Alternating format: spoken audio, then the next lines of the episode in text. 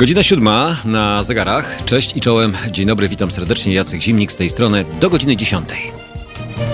Halo Radio.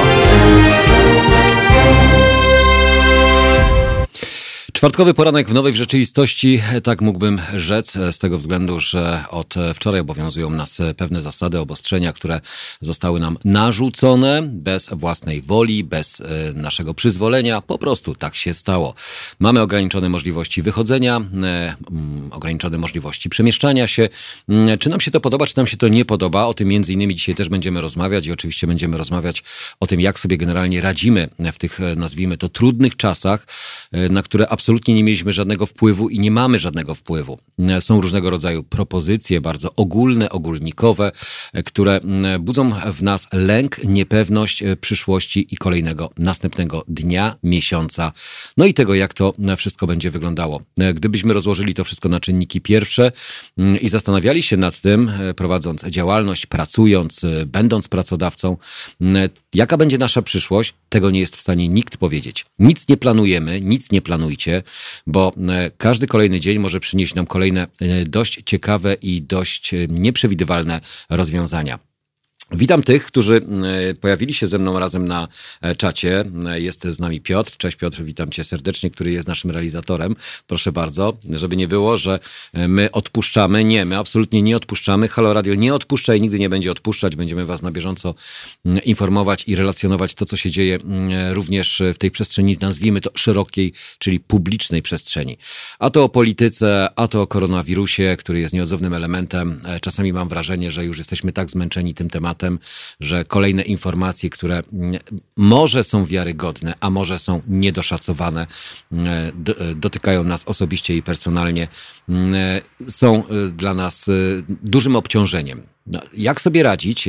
Co zrobić, żeby nie zwariować i co zrobić, żeby normalnie funkcjonować? I czy jest szansa na to, aby normalnie funkcjonować? Dużo tych, tak, tych pytań, mało odpowiedzi. Ja na te odpowiedzi absolutnie wam, czy ja wam odpowiedzi żadnych nie dam, nie udzielę.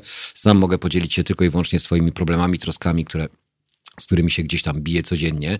Zastanawiam się, który urząd najpierw zaatakować, który bank zaatakować, jakie będą odpowiedzi, co uda mi się zrobić, a czego mi się nie uda zrobić i w ogóle co robić dalej w obecnej e, sytuacji. Bo ta sytuacja jest rzeczywiście dla nas czymś nowym, czymś, co wydarzyło się po raz pierwszy i ulegamy. Ulegamy potulnie, e, jesteśmy chyba najbardziej karnym społeczeństwem i najbardziej karnym obywatelskim społeczeństwem, e, które podporządkowuje się wszystkim zasadom, które są proponowane przez e, obecną władzę. Minister zdrowia wprowadza mm, obostrzenia, zamyka nas w mieszkaniach, zamyka nas, mm, izoluje nas od innych, mówiąc, tłumacząc, że to tylko i wyłącznie dla naszego dobra. No to okej, okay, ja rozumiem, że tego typu rozwiązanie można przyjąć za pewny sposób przetrwania, za pewien sposób wyjścia z tej całej opresji i sytuacji. Więc mm, czy to dobrze, czy źle?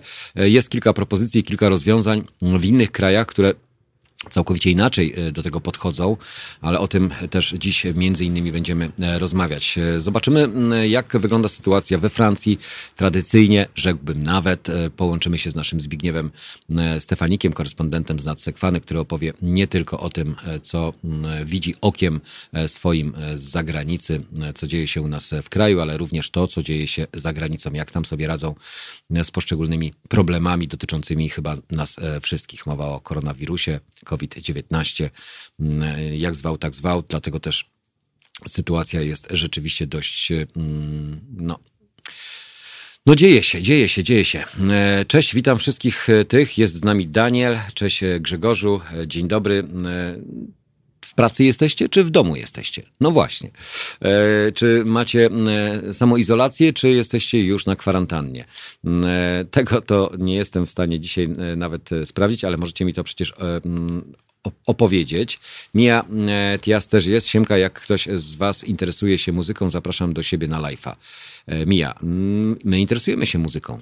My interesujemy się i muzyką, interesujemy się i polityką, interesujemy się życiem codziennym i e, również życiem osobistym, prywatnym, czyli każdym, czyli, czyli tym, co dotyczy każdego e, z nas. Julek też z nami jest. Cześć Julku, witam cię serdecznie. Rozpoczniemy oczywiście od pogody. E, pogoda, która może mniej nas zaskakuje, bo jest bardziej przewidywalna, chociaż czasami też są pewne załamania pogodowe. Zobaczmy jak, mm, zobaczmy i posłuchajmy, jaka dziś będzie pogoda. Dziś czwartek, 26 marca, synoptycy prognozują powolny wzrost temperatury. W weekend w całym kraju będzie już bardzo ciepło, lokalnie termometry pokażą nawet 15-16 stopni. Po weekendzie, z tego co zauważyłem i również w tych przewidywaniach pogodowych, ma padać śnieg. No to y, weekend ciepło, a po weekendzie zimno. Znów y, coś, co nas zaskoczy. Mnie już y, nic nie jest w stanie zaskoczyć, ale temperatura rzeczywiście, takie skoki temperatury, no nie sprzyjają nawet przeziębieniom, grypom. A jak już coś takiego macie lub coś takiego się u was pojawi, to od razu w głowie się rodzi pytanie, czy ja już jestem nosicielem, czy już jestem posiadaczem. Okej, okay. E, pogoda, pogoda. Mm, e, cały czas y, mm, zastanawiamy się, czy ta pogoda rzeczywiście będzie dla nas korzystna, czy nie. W czwartek e, od południa kraju pojawiać się będzie umiarkowane zachmurzenie, jednak nie będzie to skutkować żadnymi opadami. W całej Polsce nadal możemy oczekiwać bardzo dużych rozpogodzeń. Dziś e, najniższa temperatura zapowiadana jest w Łodzi i Lublinie, gdzie będzie maksymalnie 8 stopni. Jeden stopień więcej pokażą termometry w województwach pomorskim, kujawsko-pomorskim, podlaskim, mazowieckim, podkarp podkarpackim i wielkopolskim. Najcieplejszy dzień czeka mieszkańców Krakowa. Tam termometry pokażą 11 stopni. No to kochani, e, ci, którzy są w domach, to mogą przynajmniej okna pootwierać, albo mają mm, tarasik, czy mają balkonik, czy ogródek, to mogą zacząć robić porządki e, no, wiosenne. Dołączył do nas Grzegorz. E, cześć Grzegorzu. Daniel. E, po pracy w domu e, w NI nie do końca traktują to poważnie. W Niderlandii chyba, tak? Dokładnie. Julek pracuje w domu, samo, mm, w domu, samoizolacja. Mam czas na wszystko, niczego mi nie potrzeba. Julek, no to super, świetnie. Powiem ci szczerze, to zdradź nam tajemnicę, jak to ogarnąłeś, że niczego ci nie potrzeba, że możesz tylko i wyłącznie przebywać w domu, że to taki czas, e, który mm, w tej gonitwie e, codziennej pracy, gonitwie za kolejnymi zleceniami czy za kolejnymi monetami, które pozwalają nam e, przetrwać albo przynajmniej iluzorycznie potrafią albo pozwalają nam e, mieć poczucie tego, że możemy wiele, to teraz się okazuje, że coraz mniej możemy, coraz mniej możemy, chociaż internetowo możemy zamawiać wszystko. Przecież możemy się obkupić, możemy mm, e, pozamawiać e, różnego rodzaju produkty dodatkowe, zbędne, niezbędne albo niepotrzebne, ale też możemy zamawiać i wspierać gastro czyli branżę gastronomiczną, która oczywiście też w ten sposób dostarcza nam różnego rodzaju produkty. E, w pozostałych e, regionach, e, w województwie zachodniopomorskim, warmińsko-mazurskim, świętokrzyskim, lubuskim, dolnośląskim, opolskim i śląskim będzie maksymalnie 10 stopni. 10 stopni to dobra, to, to, to dobra prognoza, to dobra mm, temperatura.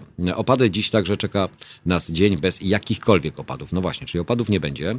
W pierwszej części dnia niewielkie zachmurzenie prognozowane są w południowej i centralnej Polsce, w pasie do mm, województwa wielkopolskiego, łódzkiego, mazowieckiego i lubelskiego. Później chmury pojawią się także w północnej części kraju przez większą mm, część dnia będzie bardzo pogodnie i słonecznie. Meteorolodzy nie przewidują żadnych opadów. Wiatr na ogół słaby, bardziej umiarkowany. Porywy czekają mieszkańców południowych i centralnych regionów. Mm, ostrzeżenia meteorologiczne. Instytut Meteorologii i Gospodarki Wodnej wydał ostrzeżenie pierwszego stopnia przed przymrozkami.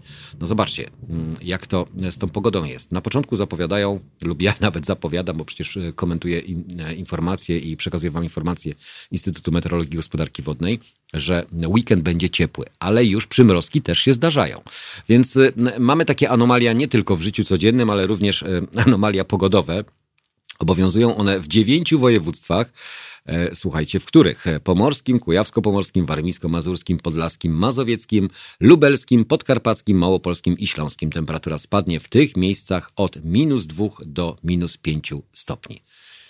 Jak tutaj normalnie funkcjonować? No właśnie. Chcesz wiedzieć więcej, to wejdź sobie na mm, Instytut Meteorologii i Gospodarki Wodnej. Tam na bieżąco również aktualizowana jest e, pogoda. U nas na bieżąco mm, informacje, mm, którymi się będziemy dzisiaj e, no, e, raczyć, albo będę ja was raczył tymi informacjami. Wy też do, do, dostarczajcie mi informacji, które oczywiście was dotyczą. Jesteście przedsiębiorcą, jesteście samozatrudnieni, jak to wygląda u was i czego oczekujecie od pakietu pakietu kryzysowego, tarcza kryzysowa. Przecież to dziś w Sejmie mm, mają zapaść nie tylko decyzje, ale jak mają posłowie mm, głosować, jak to ma wszystko wyglądać. No, wokół tego też jest spore zamieszanie. Kto ma rację, a kto racji nie ma, albo kto rację chce mieć i kto chce wykorzystać dany moment do tego, aby mm, nie tylko pójść do urn, ale tych wyborczych prezydenckich, ale znaczy do urn, żeby wrzucać karty do głosowania, ale dzięki temu są dwa modele. Jedni mówią, że tak, trzeba iść, bo to jest nasz obowiązek, a inni, że tak, jak pójdziemy, to będziemy mieli obowiązek, albo obowiązek będzie miała władza nas e, pochować, albo się nami zaopiekować. No to będzie problem, powiem szczerze. Mm, e, mamy tam jakąś muzyczkę dzisiaj? mamy muzyczkę. Tak, muzyczkę mamy. E, te zdrobnienia myślę, że nie są aż takie istotne i ważne, ale Danuta do nas napisała: Dzień dobry, praca zdalna, wydajność duża, większa niż w stacjonarnym trybie ale premii się nie spodziewam. Serdecznie pozdrawiam wszystkich i życzę zdrowia. E, Danusiu, ja myślę, że Premie to są tylko i wyłącznie za efekty, chociaż patrząc na ekipę rządzącą, która zazwyczaj mm, obdarowuje się premiami za to, że e, po prostu jest i funkcjonuje i ma co rozdawać, no to mm, te premie zawsze później są wytykane przez mm, nas, pracodawców. No bo przecież spójrzmy na to, to my jesteśmy pracodawcami tych przedstawicieli, którzy wybrani zostali przez e, społeczeństwo, przez naród. No, nie musimy się z tym zgadzać, ale jednak to oni pracują dla nas, a nie my dla nich. Do godziny 10 w Halo Radio Jacek Zimnik. Zapraszam, zachęcam do komentarzy i do pozostania z nami online. Halo Radio. Pierwsze radio z wizją.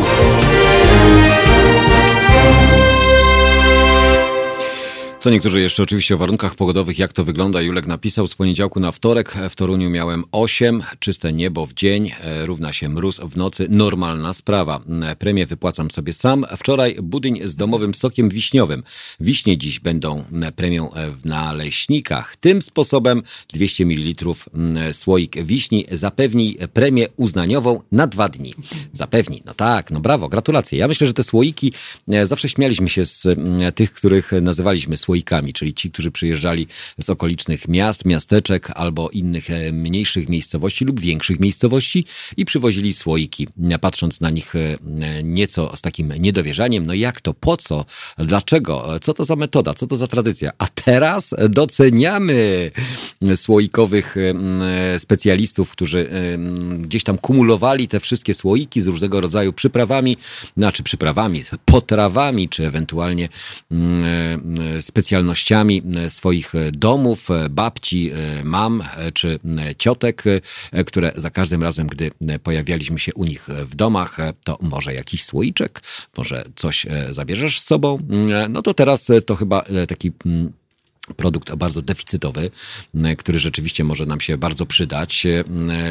Sam nie ukrywam, moja teściowa w Poznaniu, za każdym razem, gdy jadę z małżonką i z dzieciakami do Poznania, to zawsze dostajemy partię słoików. Dawno nie byliśmy, więc słoików nam tutaj by się trochę przydało. Puste zawsze zbieramy. Zawsze irytuje mnie ta sprawa z tymi pustymi słoikami. Przecież to szkło. Tyle miejsca zajmuje. A teraz okazuje się, że mając czy to spiżarkę, czy miejsce, spiżarnię, czy jakieś miejsce pod schodami, czy e, gdzieś w garażu, w piwnicy, to tych słoików zawsze można odkładać. Tylko gdy patrzę na te słoiki e, i czasami tam są takie daty, no to sprzed trzech lat słoik, e, sprzed dwóch, a może nawet i czterech lat, jeżeli był niezbyt atrakcyjny z zawartości, no to się okazuje, że teraz będziemy sięgać, albo będziemy zmuszeni do tego, żeby sięgać właśnie po tego typu produkty. Okej, okay, wiśnie, wisienki, właśnie dlatego mi się skojarzyły te mm, wiśnie, mm, taka nalewka z wiśni. Bardzo dobry sposób na dodatek do różnego rodzaju potraw, a w szczególności gdy zasiadamy do śniadania z samego poranka. Ale gdy zasiadamy do śniadania, zazwyczaj przeglądamy internet. W internecie, w internetach wszystko jest, albo przynajmniej wszystko to, co chcą, żeby było, a my, żebyśmy tym się tym chłonęli to wszystko i byli coraz bardziej przerażeni. No cóż, gdybym e, podawał Wam kolejne informacje, wczoraj e, przynajmniej o mm, godzinie 20.30 ostatnia e, informacja dotycząca wychodząca z Ministerstwa Zdrowia odnośnie liczby ofiar. W naszym kraju notowaliśmy do tej pory 1051 przypadków zachorowań na koronawirusa. To tych oficjalnych komunikatów, tych nieoficjalnych nie wiem, czy one takowe są, czy nie, ale zawsze uwa uważam, że te nasze są niedoszacowane. Z racji tego, że na tyle testów, ile było przeprowadzonych, Wczoraj sprzeczałem się z moim e, znajomym, z którym będę rozmawiał o godzinie 9.15. E, Telefonicznie e, dzieliliśmy się różnego rodzaju spostrzeżeniami. Ja mówię 26 tysięcy testów przeprowadzonych. On mówi, nie, no gdzie optymistą jesteś? 22. No ja mówię, między 22 a 26 te 4 tysiące testów to jest rzeczywiście niewielka różnica. Ale osób, które są, posiadają infekcję, nazwijmy to wirusową, to rzeczywiście ilość, liczba testów jest jest y, mm, nieadekwatna do y, osób, które y, są, no, nazwijmy to, nosicielami, albo które są po prostu chore, wiedząc lub nie wiedząc, będąc świadomymi lub nie będąc świadomymi. Więc, więc ta liczba testów rzeczywiście może nie jest aż tak mm, niska, ale też nie jest taka, która mogłaby dawać nam poczucie tego, że wszystko jest pod pełną kontrolą. Tylko teraz e, zadając sobie pytanie, albo przynajmniej e, starając się e, mieć jakiekolwiek wątpliwości, bo myślę, że wątpliwości każdy z nas ma każdego dnia, jak to jest, gdybyśmy mieli tą liczbę testów taką rzeczywiście no, przeogromną, jak w innych krajach, e, gdzie e, tych testów przeprowadzonych jest zdecydowanie więcej, to czy nasze placówki szpitalne dałyby w ogóle radę i opanowałyby tą e, epidemię, która u nas się szerzy? Myślę, że nie. Myślę, że też z tego względu ta liczba testów jest przeprowadzona proporcjonalnie do tego, jakie są możliwości albo jaka jest wydajność, wydajność placówek szpitalnych, bo gdyby nagle okazało się, że do tych szpitali trzeba położyć zdecydowaną, zdecydowaną zdecydowanie większą liczbę e, pacjentów, no to wtedy byłby problem. Już jest problem, a co by było dopiero wtedy? Więc stopniowo testy i pacjenci. Julek, znalazłem z Agrestu z datą 1998. Jeszcze mój ojciec kładł nalewki. Mam starsze. Ja cię kręcę. Słuchajcie, to, to ja już nie mówię o słoikach, to już są nalewki. Rocznikowo rzeczywiście możecie być tutaj koneserami, specjalistami w takich dziedzinach. Poszukajcie w swoich mm, gdzieś e, takich miejscach, gdzie odkładacie tego typu produkty. Może rzeczywiście znajdzie się coś bardzo cennego na te zapowiadane poweekendowe, chłodne dni zawsze coś się takiego e, przyda. Więc dla tych, którzy mm, dezynfekują się zewnętrznie, e, jest też sposób na dezynfekcję wewnętrzną. 14 mm, e, ofiar śmiertelnych koronawirusa w Polsce 80-latek, który leżał w szpitalu w Skarżysku Kamiennej. Hiszpania, uwaga, odnotowała już więcej zgonów spowodowanych koronawirusem niż Chiny, a gwałtownie rośnie liczba przypadków w Stanach Zjednoczonych, a zwłaszcza w Nowym Jorku. Wczoraj szpital na Śląsku opuściło troje pacjentów wyleczonych z COVID-19. Zamknięcie polskich granic zostało przedłużone do 13 kwietnia. Z tymi granicami to też jest problem, e, z tego względu, że osoby, które pracują, tak zwani przygranicznicy albo ci, którzy są wokół granicy, mieszkają bardzo blisko e, granicy i przemieszczają się z jednego kraju do drugiego kraju, no to e, już teraz muszą wybrać albo jedno miejsce, albo drugie miejsce. Ponad 200 osób zakażonych koronawirusem zmarło w ciągu minionej doby w Stanach Zjednoczonych. No to nasze 14 w skali do 200. Tylko wiadomo, to są inne proporcje i to jest inny też obszar całkowicie, więc też nie można tego wszystkiego porównywać. Mm, Stany Zjednoczone stały się szóstym e, krajem, w którym przekroczono liczbę tysiąca ofiar śmiertelnych SARS-CoV-2. Przed Stanami Zjednoczonymi liczba tysiąca zmarłych została przekroczona tylko w Chinach, Iranie, Włoszech, Hiszpanii oraz Francji. Z tą Francją będziemy dzisiaj się łączyć i e, też dowiemy się, jak sobie tam radzą. E, generalnie rozmawiając e, mm, z osobami, które mieszkają w innych krajach, na przykład w Berlinie, no to wszystko normalnie funkcjonuje. O dziwo, to co u nas jest, u nich brakuje. Mowa oczywiście o fenomenalnym papierze toaletowym.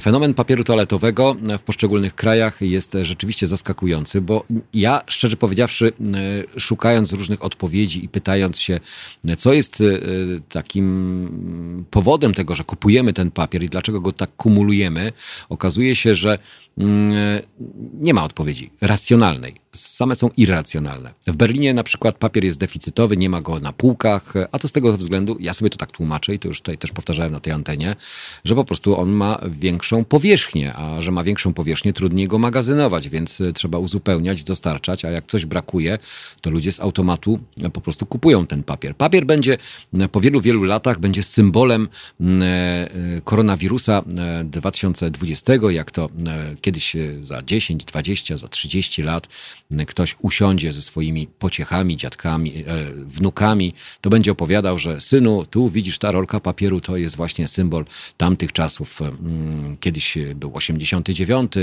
a później wcześniej 39, a teraz 2020 to papier toaletowy, no i ewentualnie jeszcze może być e, symbol e, przekazywany dzieciom w ramach też wspomnień tych e, czasów, no na przykład symbol takiego czekoladowego pieska, no bo teraz wiadomo, że z pieskiem możemy wychodzić, nie każdy pieska ma, więc każdy może pieska sobie pożyczyć, czy ewentualnie wypożyczyć sobie pieska, aby móc bezkarnie, bezkarnie, dodajmy bezkarnie, wychodzić na spacer, bo to wiadomo, teraz tylko dwie osoby mogą wyjść na zewnątrz, obok siebie i to najlepiej w odległości półtora metra, chociaż dwa metry. Nie wiem, czy y, te przepisy, które zostały wprowadzone, y, są rzeczywiście mm, przez społeczeństwo wykonywane. Chodząc po ulicach, widzimy mniej osób przemieszczających się. Nie wiem, jak w środkach komunikacji miejskiej dzisiaj z takowej nie korzystałem i też nie zamieram, nie zamierzam korzystać, bo nie zamierzam e, jakby no nie, nie powiem, że zainfekować się, no, też nie popadajmy kurczę, w taką schizofrenię paranoidalną, że będziemy wszędzie patrzeć i wokół siebie widzieć tylko i wyłącznie osoby, które mogą na nas kaszleć, kasłać albo e, mogą spowodować, że się gdzieś zarazimy. Zarazić się możemy mm, każdorazowo. To jest sezonówka. Sezonówka, która niestety niesie za sobą, ta akurat sezonówka niesie za sobą pewne konsekwencje dla pokolenia starszych. Mm, Grzegorz, e, brak testów powoduje, że e, zarażany jest personel medyczny. No to jest masakra. E, którego potem brakuje do normalnych zadań e, i e, wirusowych. A czy przede wszystkim problem jest z kwarantanną? Z tego względu, że jeżeli personel medyczny zostanie zarażony lub jedna z osób takiego personelu później miała kontakt z innymi przedstawicielami środowisk medycznych, to zauważcie, do czego może to doprowadzić. Do paraliżu. Do paraliżu przede wszystkim normalnego funkcjonowania placówek szpitalnych. I teraz osoby, które e, miały kontakt, a nie są za, zarażone, e, po prostu muszą siedzieć na kwarantannie przez dwa tygodnie. No to co przez te dwa tygodnie personel medyczny może wtedy robić? No na pewno nie, nie pomagać społeczeństwu, a, a, tego personelu medycznego u nas w kraju brakuje. I to o tym alarmowały już wszystkie środowiska e, i nie tylko przedstawiciele opozycji, bo jak to wiadomo, opozycji zawsze łatwiej jest krytykować i łatwiej jest mm, e, podnosić alarm, że coś nie działa i coś nie funkcjonuje. Rządzący zazwyczaj mówią, że jakoś to będzie, wszystko jest e, w porządku, może nie najlepiej, ale teraz mamy trudne czasy. Wczoraj mm, mm, premier Mateusz Morawiecki mm, w takim swoim tweetowym e, orędziu, to znaczy na Twitterze, zakomunikował, że musimy przygotować się na bardzo trudne czasy. To przed nami jest wielkie wyzwanie. To czas e, sprawdzenia, weryfikacji i naszej solidarności pokoleniowej.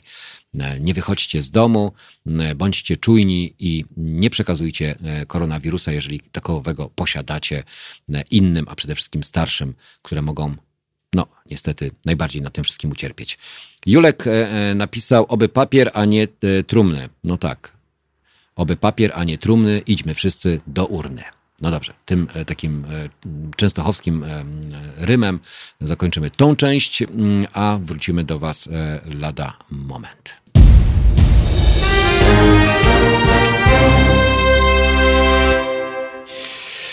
Julek napisał na naszym e, czacie, papier toaletowy będą w przyszłości wykopywali e, archeolodzy i tak będziemy datowali kulturę schyłkową Kaczyńskiego. No tak, e, papier toaletowy to symbol naszych e, obecnych czasów. E, myślę, że memy i różnego rodzaju filmiki, które pojawiają się w internecie, powodują u nas uśmiech, bo co zrobić w tak trudnych czasach albo w tak nieprzewidywalnych czasach, jakie są teraz obecnie, gdzie rzeczywiście nie wiemy, czy mm, siąść, e, płakać i nic nie robić, czy po prostu e, wziąć się w garść i ogarnąć e, i po prostu przejąć kontrolę nad swoim własnym losem, ale losem też dotyczącym innych osób, bo jako jednostka wiele nie możemy, ale jako grupa, silna grupa, zawsze możemy więcej. Więc zachęcam Was oczywiście do tego, żebyśmy mm, wszelkiego rodzaju inicjatywy podejmowali, a są takie, takowe inicjatywy. E, są profile, które wspierają e, mikroprzedsiębiorców, e, samozatrudnionych, osoby prowadzące własną działalność gospodarczą, czy zatrudnieni na umowach śmieciowych, bo to tych dotyka chyba najbardziej. E, tak przynajmniej mówię z własnej perspektywy. Jeżeli ktoś pracowałby na etacie, to może ma inne zdanie albo ma inne podejście, bo będzie wymagał od pracodawcy tego, aby zapewnić i zagwarantować, mm, e, pracodawca mógł mu odpowiednie warunki do przetrwania. Do przetrwania. Walka o przetrwanie, e, walka o byt, walka o każdy kolejny dzień. E, to nie smutna e, wiadomość, bo ja wcale nie chcę tutaj robić jakiejś żałobnej, groteskowej atmosfery. Po prostu musimy sobie coś razem wszyscy uświadomić i razem coś zacząć działać. Grzegorz, moim zdaniem tym gadaniem o wyborach pomimo pandemii PiS chce przykryć jakąś inną sprawę. Ja myślę, że mm, to nie jest tak, że chce przykryć inną sprawę, po prostu chce rozwodnić temat e, dotyczący epidemii, bo e, sprawa dotycząca mm, wyborów, e, jeżeli mówimy o tej kłótni, awanturze odnośnie spotkania parlamentarzystów e, w Sejmie, że e, przecież e, ważniejsze jest życie ludzkie niż konstytucja, ważniejsza konstytucja niż życie ludzkie. Jak sobie to przełożymy, jak sobie to odczytamy, to później będziemy mieli odpowiednią interpretację, bo jeżeli najpierw przedstawiciele PiSu mówią, że trzeba spotykać się zdalnie, obradować, podejmować decyzje, ale w całkowicie innej formule, mamy telefon, proszę bardzo, ktoś dzwoni do nas o poranku. Zawsze ktoś z rana dzwoni. Tak, też to zauważyłem. Jest to dobry, y, dobry zwyczaj. Mm, dziel się swoimi spostrzeżeniami, dziel się swoimi opiniami na antenie Halo Radio. O. Dobrze, mamy. Uwaga. Kto z tamtej strony? Pracodawca. Dzień dobry, panie Jacku, Mariusz z Aleksandrowa Łódzkiego. Cześć Mariusz. Mariusz, pracodawca. Właśnie poruszył pan przed chwilą temat y, a propos zebrania się dzisiaj no, w Sejmie, tak? Tak, dokładnie. No niech udowodnią y, ci posłowie, którzy byli wczoraj przeciwko, a nam każą iść do wyborów, że mogą się ubrać w maseczki, dobrze specjalne fartuchy, okulary, rękawiczki. Można odkazić Sejm i niech przyjdą ze swoimi trzema D pustymi usiądą zadecydują, co ma się dziać dalej. Nam ale... każą pracować, tak? Mariusz, ale... muszą oczywiście pra pracować. Ale zobacz, Mariusz, bo dla mnie jest to jakimś takim absurdem. Absurd goni absurd. Z jednej strony e, e mówią o wyborach 10 maja, gdzie tak, kumulacja tak, przekazywania, tak. czyli tran transmisja niech tego... Niech pan Jarosław, właśnie, niech pan Jarosław udowodni, jak to my mamy iść na wybory 10, 10 maja. No, skoro tu się ma 460 posłów i jeszcze ewentualna obsługa, to będzie jakieś tam 600 osób e, e zebrać. E, i tutaj mają obawy o to, że przecież parlamentarzyści będą, bo przecież może przyjść ktoś zarażony, może ktoś przyjść zainfekowany. No tak. I... Ale są przecież szybkie badania, nie, w Niemczech to trwa moment, mhm. bo podjeżdża się samochodem i to badanie na tak zwany tam, jak to się nazywa? Wymaz, wymaz to jest tak. Jest takie coś szybkie badanie, że to deklaruje, że ma się mm, w sobie ten gen koronawirusowy, wtedy się tam pokazuje, czy się ma, czy się nie ma. Mhm. W każdym razie chodzi o to, no niech, niech pokażą jak to się, jak to właśnie, jak to wybory będą przebiegały, bo ja sobie tego nie Ale to nie powiedz mi, jesteś, ale to jesteś A, za tym, żeby się tak? spotkali posłowie, żeby po prostu tak? zaczęli obradować, bo za przeproszeniem to jest ich... Nie no, dzisiaj, dzisiaj na pewno. Zakichany obowiązek. Tak. A po ja mówię, ja bym chciał, ja bym chciał zobaczyć tam pana Jarosława. O, o właśnie, panie Jarku, panie Jarku, niech pan nie przesadza, niech się pan nie chowa na Żoliborzu, niech pan tak. przychodzi do... E, niech udowodni, że nic się nie dzieje, że jest wszystko tak i z tymi badaniami, tak jak pan tutaj rano też, bo słucham od pana, znaczy oglądam, bo na YouTubie, E, Oglądam pana od samego rana i no niech, niech oni pokażą bo właśnie jak, jak, to się, jak to się robi wszystko, no. A poza tym wiem, ja byłem zdziwiony, że, że SLD chyba i jakaś tam inna pa, partia była przeciwko temu. Oprócz oczywiście PiSu, tak? Żeby się zebrać dzisiaj w, se, w Sejmie. A to jest ważne spotkanie, to jest bardzo istotne, bo wszyscy Wiem. czekają na e, te e, zapowiadane deklaracje, ale przede wszystkim deklaracje deklaracjami, ale czekamy na konkrety. Bo e, Tak. nie wiem, jesteś pracownikiem, pracodawcą, przedsiębiorcą, No, ja samozatrudnionym, jestem pracownikiem. Pracownikiem, ale pracujesz e, na umowę o pracę? Nie, normalnie to na, na szczęście pracuję w państwowej firmie Mhm. i jestem na normalnej umowie, także jakieś tam chyba przestrojowe będę miał. e, Post, tak, zwane, tak, zwane posto, tak zwane postojowe, tak? Tak, ale tam mam się stawić w przyszłym tygodniu na, na moment do pracy. No ale teraz y, y, zobacz, y, jakby mm, y, argumentacja e, wspomnianego wcześniej e, e, JK, który mówi, że mm, wybory mogą się przecież odbyć 10 maja, skoro doskonałym nie przykładem... przeciwwskazań. Tak, że doskonałym przykładem były mm, wybory uzupełniające, gdzie w niektórych miejscach Tak. frekwencja dochodziła nawet do 42%. No ale podobno są odwołane, czy też było dzisiaj w wiadomościach na postaci, czy na TVN, już, już nie pamiętam. Tak, tylko że... Podobno to jest cofnięte. No tak, ale tylko powiedz mi, y, jak to jest, że y, można frekwencję mm, określać y, na podstawie głosowania kilkudziesięciu osób? No właśnie, o to chodzi. No ja, ja, ja, tego, ja tego nie rozumiem też. Tak samo jak nie rozumiem podawania tych wyników typu ilość osób zachorowań i osób zmarłych, jeżeli u nas prowadzi się w bardzo małym stopniu badania. Tak? Badania, No, czyli liczba testów jest y, nieadekwatna do osób, Bardzo które... mała. Adekwatna co do mieszkańców Polski, bo u nas jest ponad 30-38 milionów, czy jakoś tak, Tak. coś takiego, coś, no. To, to, jest, to, jest- to jest no, dla mnie bez sensu. No. Ale teraz wiesz co, bo ja, bo ja, zastanaw, ja zastanawiałem się, Mariusz, tutaj chyba to też poruszyłem, odnośnie Tak. tego, że gdybyśmy mieli tą odpowiednią liczbę testów, to teraz pytanie, czy opieka medyczna, czy służba zdrowia byłaby wy, wydajna, to znaczy wydolna, wydolna, tak? Czy w sensie Yy, nie za, zakorkowałoby się to wszystko? Raczej wątpię to jeszcze po niektórych aferach ostatnich, typu zwalnianie pani przełożonych, które ujawniają, że nie ma maseczek Mhm. i tak dalej, i tak dalej, bo pan o, o tym też wie, bo pan śledzi pewnie też takie sprawy, tak? No tak, dokładnie, dlatego jakby, No. e, te, bo tutaj ktoś rzucił hasło na naszym czacie, że e, sprawa wyborów jest e, tematem po to, żeby przykryć coś ważniejszego. Tak, czy, czytałem to tak, na czacie tak. Mhm. Ale e, jak myślisz, czy jest coś, co ma pokazać nieudolność obecnej Tak. władzy?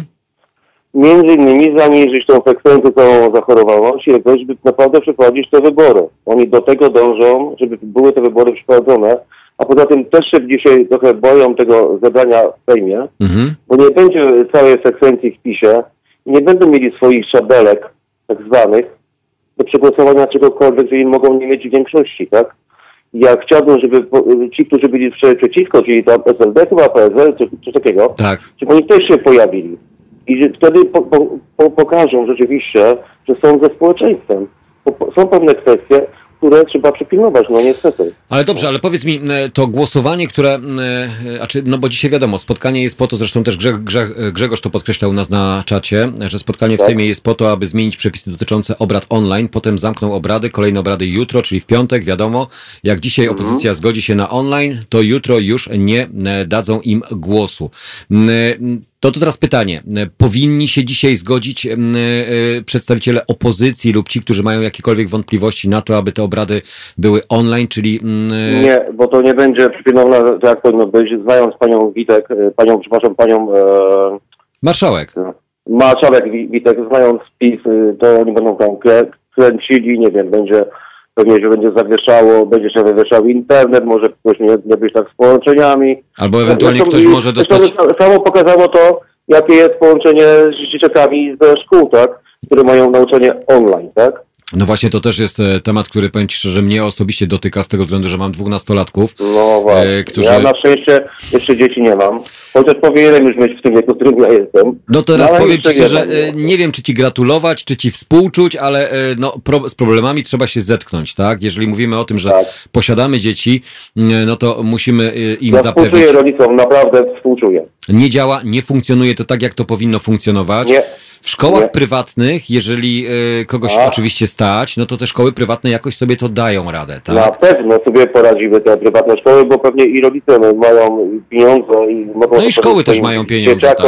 I szkoły mają pieniądze, mają pewnie odpowiednich nauczycieli, którzy w tym kierunku, nie, w tym kierunku, znaczy nie będą mieli problemów z połączeniem bo wiem, że tam nauczyciele niektórzy też mieli pro, problemy z obsługą internetu, tak? A czy z obsługą internetu, z obsługą e, wszelkich e, form komunikacji, Mediów, komunikatorów tak, i tak dalej, no, To, to, tak, to, nie ma obowiązku, tak, tak, tak. nie ma obowiązku, aby nauczyciel e, musiał e, umieć Nie. obsługiwać, tak? Oczywiście, że nie. Więc- Oczywiście, że nie. Więc dobrze, ale wróćmy do tego e, głosowania i do tego, co dziś będzie miało miejsce, to Tak. znaczy zmiana tego, e, e, tych zasad funkcjonowania parlamentu. E, m, Czego oczekujemy od parlamentarzystów? Czego ty oczekujesz jak, jako no, obywatel? Ja bym chciał, żeby naprawdę oprócz tego głosowania dzisiaj poddano go głosowaniu czas wyborów, że to jest niemożliwe, żeby wybory się odbyły y, 10 maja, powinny być przesunięte przynajmniej na jesień. No dobrze, ale, jeż, ale jeżeli jak nie ma, e, jeżeli nie ma e, jakby mm, takich podstaw do tego, żeby te wybory przesunąć w No sensie nie prawnym, ale poczekaj, nie, bo ja jeszcze nie dokończyłem. W sensie prawnym, bo to, na czym się opiera obecnie, e, ob, znaczy opierają się obecnie rządzący, czyli Prawo i Sprawiedliwość, tak? No, to oni twierdzą, że jakby nie ma zapisu konstytucyjnego, który pozwalałby na to, aby wprowadzić klęskę żywiołową, e, tak? E, Czyli czy stan Mm. wyjątkowy. A przecież Tak. epidemia, epidemia jest stanem wyjątkowym. No oczywiście, że tak. Jest klęską.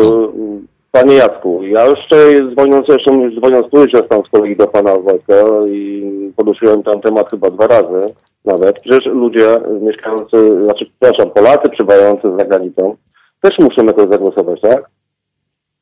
No tak, A jak oni, a jak, a jak sobie do rząd go, go, Ograniczenie praw tam wyborczych. Będzie, no ograniczenie praw wyborczych, a wybory są tak zwane e, powszechne, tak? tak, powszechne i Mhm. ogólnodostępne. No właśnie to już samo to wyklucza wybory. Samo to. We, we, według mnie. To teraz- Nie jestem, nie jestem tam żadnym nie wiem, prawnikiem, adwokatem. Ja też nie tak jestem dalej, prawnikiem. Ale według mnie jestem zwykłym zjadaczem chleba.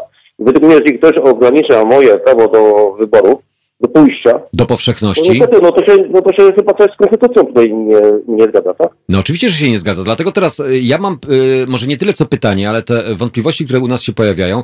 Do kiedy będą ciągnąć ten temat, y, że wybory będą miały miejsce? Do tego momentu, dopóki uda się to y, wszystko jakoś y, y, Upchnąć tłumaczyć. nogą. Upchnąć nogą, dokładnie. A w momencie, kiedy już się tego nie da upchnąć nogą, y, to wtedy rzeczywiście powiedzą, dobrze, to przekładamy y, wybory, ale to będzie ostatni y, Ale- moment. A afera z tym panem, jak mu tam jest na blisko, kurczę, ten co dostał tam w ostatniej chwili te, te ilość głosów, E, że jednak y, przystępuje do wyborów? e, pan Jakubiak, Jakubiak, tak. O, o, o, panie Jakubiak, właśnie. Jak to się, jak to pan zrobił, nie wiem, znaczy nie wiedzą, większość ludzi nie Jak wie. zebrał tych jak 100 pan to tysięcy podpisów. Tak. No, Jak poparcia. pan to zrobił? No, panie bo, chodziło o, bo chodziło o to, że też, że PiS e, dowiedział się, że opozycja chce chyba zrezygnować cała, Mhm. więc sobie dokoptowali jednego pana i teraz wybory mogą się odbyć, tak? A czy to nie jest... e, Bo, bo, jeden, bo, bo, bo jeden nie może startować, czyli pan Duda jako sam nie może startować, więc musi być druga osoba, przynajmniej jedna osoba dodatkowo. Czyli uważasz, że to jest e, u, u, tak zwany urobiony temat, A tak? oczywiście, że tak. Bo większość osób, z którymi rozmawiam, właśnie myśli w ten sposób. No, e, wczoraj minął termin e, składania do Państwowej Komisji Wyborczej e, list kandydatów w wyborach prezydenckich i rzeczywiście e, sprawa pana Jakubiaka, kiedyś byłego posła No, już Kukiz lepiej nie 15. wspomina, bo mam adekwatne co do pana. Nie wiem, nie, ja, ja pana nie rozumiem, w ogóle nie mogę go oglądać w telewizji, jeszcze można go było oglądać wcześniej. No tak, ale jakby sam e, e, Marek Jakubiak apeluje o to, aby jednak, e, e, żeby PiS przeniosło termin wyborów. Ja nie wiem, czy to jest... Co E, pan powie, to już się panu zmieni, to już, już nie chce wy- wyboru? Osta, osta, ostatnio chciał. no, no to teraz tutaj mam taką informację sprzed wczoraj, 23 godzin wieczorem, nie wiem, No, to nie czy może coś się nie nie zmieniło. Cieszę się, że e, inne ugrupowania e, wpadły w panikę. To oznacza, że mam duże szanse w wyborach prezydenckich. Chcę e, zdeprecjonować moją osobę, uważa Marek Jakubiak, były poseł Kukiz 15. No jeżeli on myśli, że, że wygra, na, no, że, że wygra te wybory, no to chyba jest, nie wiem, chory chyba. No, udało mu się, zdołał zgromadzić 140 tysięcy podpisów poparcia. No dobra, kończymy tę rozmowę. Dobra. Dziękuję panu. Dziękuję, Do miłego widzenia. wieczoru życzę. Znaczy wieczoru, przepraszam, co ja mówię? Miłego dnia życzę, bo dzisiaj rzeczywiście e, dzień pełen e, słońca e, i pełen optymistycznych tematów, ale jak się tak zaczniemy tutaj, no, znaczy jak zaczniemy analizować poszczególne wątki, to rzeczywiście ogarnia nas pewna niemoc. Więc żeby ta niemoc nie była możliwa, Kate Bush teraz na antenie Halo Radio a my wracamy do Waszych e, komentarzy, które pojawiają się również na naszym czacie. Witam również tych, którzy są na naszym fanpage'u na Facebooku i oczywiście informuję o tym, że do nas można dzwonić. Numer telefonu 22 39 059 22, również do nas można pisać.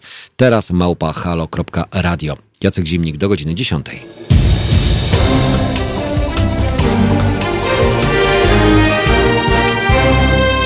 Halo Radio. Halo Radio, e, jesteśmy tuż przed godziną e, dziewiątą, e, niewiele na minut do godziny, nie, przepraszam, ósmą. Jezus, ja to po prostu naprawdę. Obud, pobudka, pobudka, tak, kawa poranna. Uwaga, aż się zakrztusiłem. Poranna kawa e, to jest e, najlepsze rozwiązanie, aby się obudzić, e, jak wstaje się o godzinie 5 nad ranem, a co niektórzy na pewno wstają wcześniej, więc wcale się nie dziwię. Grzegorz napisał, dlatego podkręcają temat wyborów, bo są miernotami, które czego się nie dotkną, to spierniczą. Nawet nauczania online nie potrafią zorganizować. No z tym nauczaniem online to rzeczywiście jest farsa.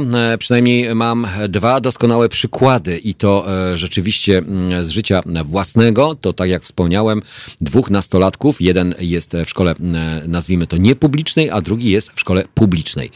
Niepubliczna e, funkcjonuje, e, działa online, przekazywane są treści programowe, wymagane są od uczniów, a z drugiej strony szkoła publiczna wysyła tylko drogą poczty elektronicznej jakieś tam zadania, weryfikacja, mniej konkretna, mniej obostrzeń, bo zdecydowana większa mm, liczba uczniów e, w takich e, placówkach jest, a e, nauczycieli zdecydowanie mniej. Nie mówię, że tych ogarniętych czy mniej ogarniętych ale funkcjonujących systemów. Ktoś powiedział, że powinien zostać wdrożony taki powszechny, ogólny system, który, z którego korzystaliby wszyscy uczniowie oświaty i który by był spójny, jednolity i niezawieszający się. No ale to jest jedna sprawa. Ale teraz druga e, sprawa to to, że my mamy dzieci, jeżeli macie dzieci, albo przynajmniej macie znajomych, którzy mają dzieci i borykają się z tego typu problemami, to druga sprawa, jak e, e, my, rodzice czy opiekunowie, mamy zapanować nad tym, aby ta dostępność i powszechność była zdecydowanie łatwiejsza. No bo nie dość, że jesteśmy na tak zwanych postojowych, czy na przykład pracujemy E, w domu, e, no to jeszcze musimy e, zapanować i opanować to, żeby te nasze dzieci funkcjonowały i pracowały. I zagwarantować im też odpowiedni czas wolny, w domu oczywiście czas wolny, zagospodarować im czas, żeby się nie nudziły, no bo siedzenie przy komputerze w momencie, kiedy się uczą, ok, jeżeli macie dostępność do internetu, powszechną dostępność do internetu, a wiemy, że te, ta dostępność nie jest wszędzie będzie aż taka dobra jak w dużych miastach. W mniejszych miejscowościach zdecydowanie gorzej jest tą dostępnością. Nie każdy przecież posiada, tak jak by się to mogło wydawać nam tutaj, którzy siedzimy i mówimy, a przecież komputer, internet to przecież po, e, chleb powszedni, więc nie ma z tym żadnego problemu. Okazuje się, że tak nie jest do końca, że nie wszyscy posiadają narzędzia, które umożliwiają e, e, online pracę. Więc jakby ten problem e, awaryjnie starają się rozwiązać przedstawiciele władzy, ale czy skutecznie? No myślę, że nie do końca. Ciekawa kwestia. Nam Partia Miłości chce wrzucić w zdalnym, czytanym, w zdalnym. Czytamy, że poseł musi złożyć wniosek o dostęp zdalny do po ogłoszeniu decyzji o wykorzystaniu środków komunikacji elektronicznej. Napisał Robert Jakubiak, e, czyli e, w tak zwanym mm, Poseł musi złożyć wniosek o dostęp zdalny po ogłoszeniu decyzji o wykorzystaniu środków komunikacji elektronicznej. No, czyli wniosek musi złożyć e, poseł. Mówimy oczywiście o tym, co będzie miało miejsce mm, dziś. Będzie rozpatrywane odnośnie głosowania jutrzejszego. Elektroniczna, znaczy ja wiem, że dostęp do mm, narzędzi y, przez posłów powinien być powszechny y, i ogólnodostępny. Ale czy będzie na tyle skuteczny? Czyli co? Y, sala kolumnowa z 2016 roku po raz kolejny? No tak, już mieliśmy tego typu sytuacje, mm, które budziły mm, ogromne kontrowersje. Mm, teraz ma być tych sal zdecydowanie więcej. Mają być posłowie porozkładani po e, poszczególnych e, salach. E, czy rzeczywiście to jest zgodne z konstytucją? Myślę, że tutaj konstytucjonaliści powinni zabrać e, głos. Zmiana regulaminu także wprowadza stan epidemii, oczywiście nie zdefiniowany w konstytucji. Mm, e, André e, Stołp pisze, wszyscy wiemy, czego boi się zbawca narodu. Ujawnienia prawdy, że przez pięć lat zrujnowali całkowicie finanse publiczne. Brak kasy na wsparcie tradycji tracących źródła dochodu obywateli. Przepraszam za to, ale przez to, że czasami e, brakuje wam e, tych on, en, ży, s, si, czy, a to jest normalne, bo przecież piszemy w internecie i nie używamy czasami polskich znaków, e, to Trudniej czasami to jest odczytać. Ale dobra, staram się. Robert e, komentuje. A w projekcie e, tarczy mnie zastanawia kwestia e, paralizatorów. Naprawdę poszerzenie stosowania paralizatorów w więzieniach jest ochroną przed kryzysem antywirusowym działaniem? Nie, myślę, że absolutnie nie, Robercie. Więc zakres mm, i wszelkie zapisy, które będą dotyczyły tarczy antykryzysowej, myślę, że będą budziły jeszcze większe emocje po czy w trakcie niż przed, bo przed dostaliśmy tylko zdawkowe informacje odnośnie jakiegoś wsparcia, pomocy, odroczeń, zawieszeń, możliwości. Wczoraj nawet e, oglądałem e, jeden z programów, no i tu muszę się przyznać, e, tylko i wyłącznie na internecie, albo w internecie, telefon mamy, Piotrze w internecie odnośnie mm, mm, tego, jak sobie radzić, e, jeżeli jesteś przedsiębiorcą. Najlepiej zamknij firmę, zamknij działalność. Ale pytanie, jeżeli ja zamknę działalność, zawieszę działalność, to czy tarcza kryzysowa, czy antykryzysowa będzie mnie nadal obejmowała, czy po prostu ja już wypadam z tak zwanego obiegu, czyli, czyli państwo nie będzie musiało już wtedy e, mnie ratować, czy państwo nie będzie musiało mnie wtedy wspierać, no bo wtedy nie działam, tak? Nie, nie generuję sobie kosztów, ale też nie będę ponosił jakichkolwiek zysków. Cześć, uwaga. Halo? Cześć, Robert. Cześć, Jacku, Robert z tej strony. Cześć, witam. Um, tak, a propos tego komentarza, który napisałem e, na temat zmiany w regulaminie, mhm. chodziło bardziej o to, że w tej chwili marszałek może sobie podjąć decyzję o zdalnym dostępie na 5 minut przed jego rozpoczęciem, a zgodnie z regulaminem e, to posłowie muszą złożyć wniosek o umożliwienie dostępu do, e, do tego zdalnego dostępu na czas tej, tej, tego posiedzenia mhm. i muszą oni złożyć wniosek.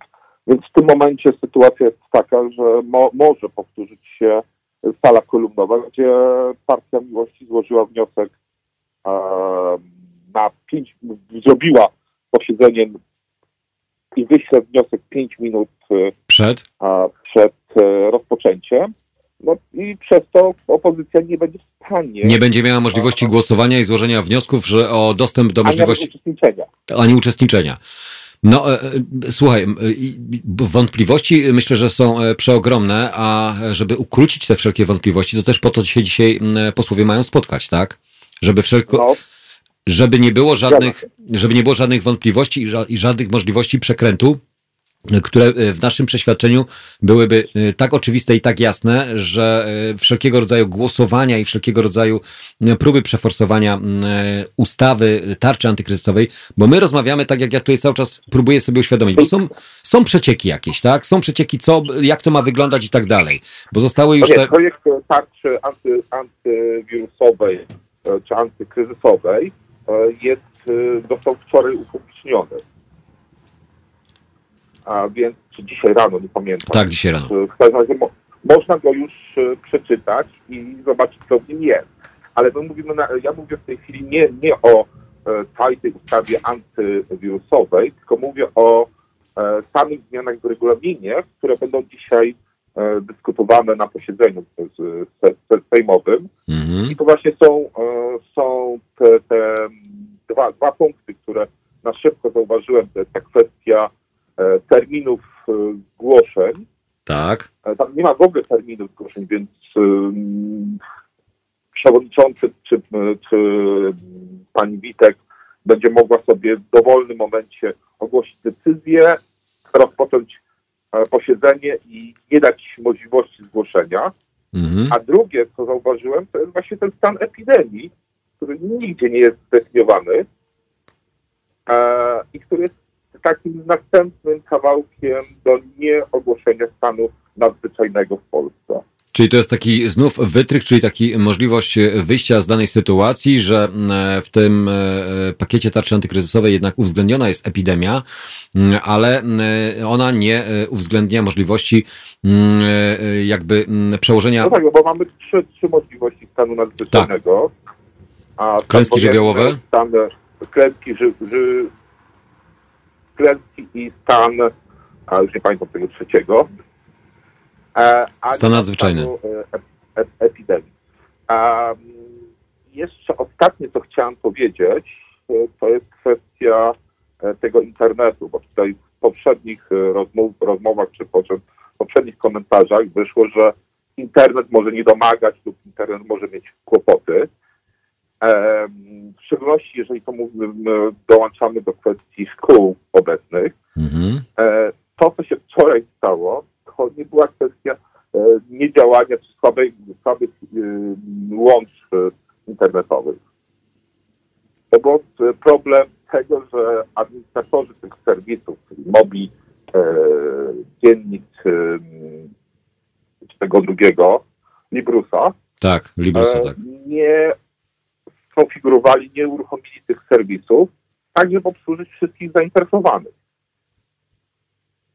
I one po prostu przestały działać. Zresztą znaczy one są przepełnione przede wszystkim, e, tak. zbyt dużo są, zbyt bardzo są obciążone, bo one nie są przystosowane tak. technologicznie do e, takiego nat natężenia. Zgadza się. Nikt przez ostatnie wiele lat nie myślał o tym, żeby zrobić, przystosować e, wszystkie usługi e, państwowe czy szkolne do tego, żeby zdalnie e, pracować. Znaczy my w ogóle, my w ogóle nie jesteśmy przygotowani do takiej sytuacji wyjątkowej, jaka jest teraz obecnie. Większość krajów też nie jest przygotowana, ale to nas dotyka bezpośrednio, czy pośrednio, czy bezpośrednio i okazuje się, że rząd po prostu sobie z tym ewidentnie nie radzi. Tak, dokładnie ja już tak mówiąc z innej strony, pracujemy ze znajomymi także nad tworzeniem takiego systemu dla szkół. Chcemy go udostępnić wraz z... Czyli co, forma, aplika forma aplikacji y, dostępnej? Na stronie www, do telekonferencji, mhm. do, e, do pracy zdalnej, do białej tablicy, do, do prowadzenia e, prezentacji, tego typu, e, typu rzeczy. Mm, ale na pytania, co szkoły by potrzebowały, szkoły e, odrzucają e, nasze pytania z, z tekstem, że zasłaniając się RODO, zasłaniając się niewiedzą i odsyłając nas, nas do rzecznika ministerstwa, który po prostu nie odpowiada nam na pytania. Więc generalnie nawet jeżeli e, tak zwane pospolite ruszenie ludzi związanych internetem, związanych z systemami, stworzyłoby coś open source'owego za darmo dla szkół i nawet udostępniło to w formie serwerów i całej usługi, to ministerstwo może nie, nie skorzystać z tego, bo no to nie zostało zrobione przez e, firmę e, wujka. Wyobraźcie sobie, albo wyobraź sobie, Robert, e, sytuację, bo mnie to jeszcze najbardziej przeraża, bo teraz opieramy wszystkie mm, przekazy i wszystkie informacje i dostępność całej naszej wiedzy opieramy tylko i wyłącznie na internecie mm, i na tym, co przekazują media, tak? No bo jakby ograniczoną mamy możliwość kontaktu personalnego, osobistego, telefonia komórkowa, internet. Jeżeli mm, komuś e, przyszłoby do głowy, że z przyczyn e, stanu wyjątkowego, klęski żywiołowej, czy właśnie epidemii, czy jakiejkolwiek ustawy, która by ograniczała możliwość e, przepustowości internetowej, to wyobrażasz, co by się działo wtedy? Um, tak, wyobrażam sobie.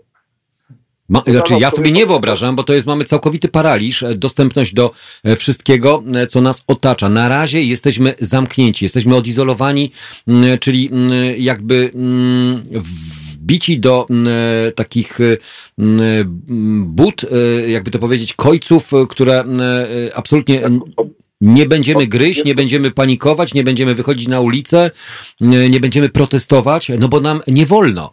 Po prostu nawet nie można zorganizować jakiegokolwiek zgromadzenia. No dwie osoby mm, pod Sejmem, wyobrażasz sobie protestujące albo ewentualnie domagające się e, praw, albo mm, nie, nie ja też sobie tego nie wyobrażam. Więc najpierw e, ograniczyć swobody, możliwość przemieszczania się, poruszania, a później ograniczyć możliwość komunikowania się jeszcze, no. Jacku, od 25 czy nawet 20, ponad 25 lat e, pracuję w zakresie wolności w internecie, e, usług w internecie i wymiany ruchu w internecie, więc dobrze wiem, o czym mówisz. Ostatnio e, było, były kilka, jeszcze przed, przed całym mm, kryzysem wirusowym, były propozycje pewnego stowarzyszenia Ordo coś tam. Ordo Juris. E, e, tak, który Pewno. miał na celu danie narzędzi państwu do blokowania dowolnie wybranego treści. serwisu, dowolnie wybranych operatorów treści. To już nie było e, i to było robione pod auspicjami walki z pedofilią. Chciano dać po prostu możliwość rządowi na dowolne zablokowanie czegokolwiek. Opozycja by chciała, miała swoją stronę, gdzie prezentowałaby swój program. Rząd by stwierdził, że on jest niepoprawny i kazałby mm, operatorom go zablokować na nie na 48 e, godzin, ale mm -hmm. na dwa tygodnie przed wyborami. Bo tyle, tyle było zapisane e, w procedura reklamacyjna. I co? I nagle mi się okazało, że byśmy nie mieli dostępu do, do programu opozycji. Niestety ten projekt nie przeszedł, ale jest nadal zamrażalce. Więc generalnie tak, y, ograniczenie i wolność w internecie, wolność słowa, słowa w internecie jest dość ważna, no ale nie należy jej też y, nadużywać. Hmm. No ale to jest, powiem Ci szczerze, że a czy wolność to nie jest.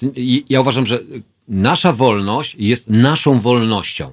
Jeżeli nie wykraczamy e, poza pewne normy, cywilizowane normy, powszechnie obowiązujące na całym e, świecie, e, to myślę, że różnego rodzaju regulacjami albo tym, że będziesz mógł korzystać z internetu tylko i wyłącznie w pewnym zakresie albo w pewnej tematyce, no to jest ograniczanie, tak?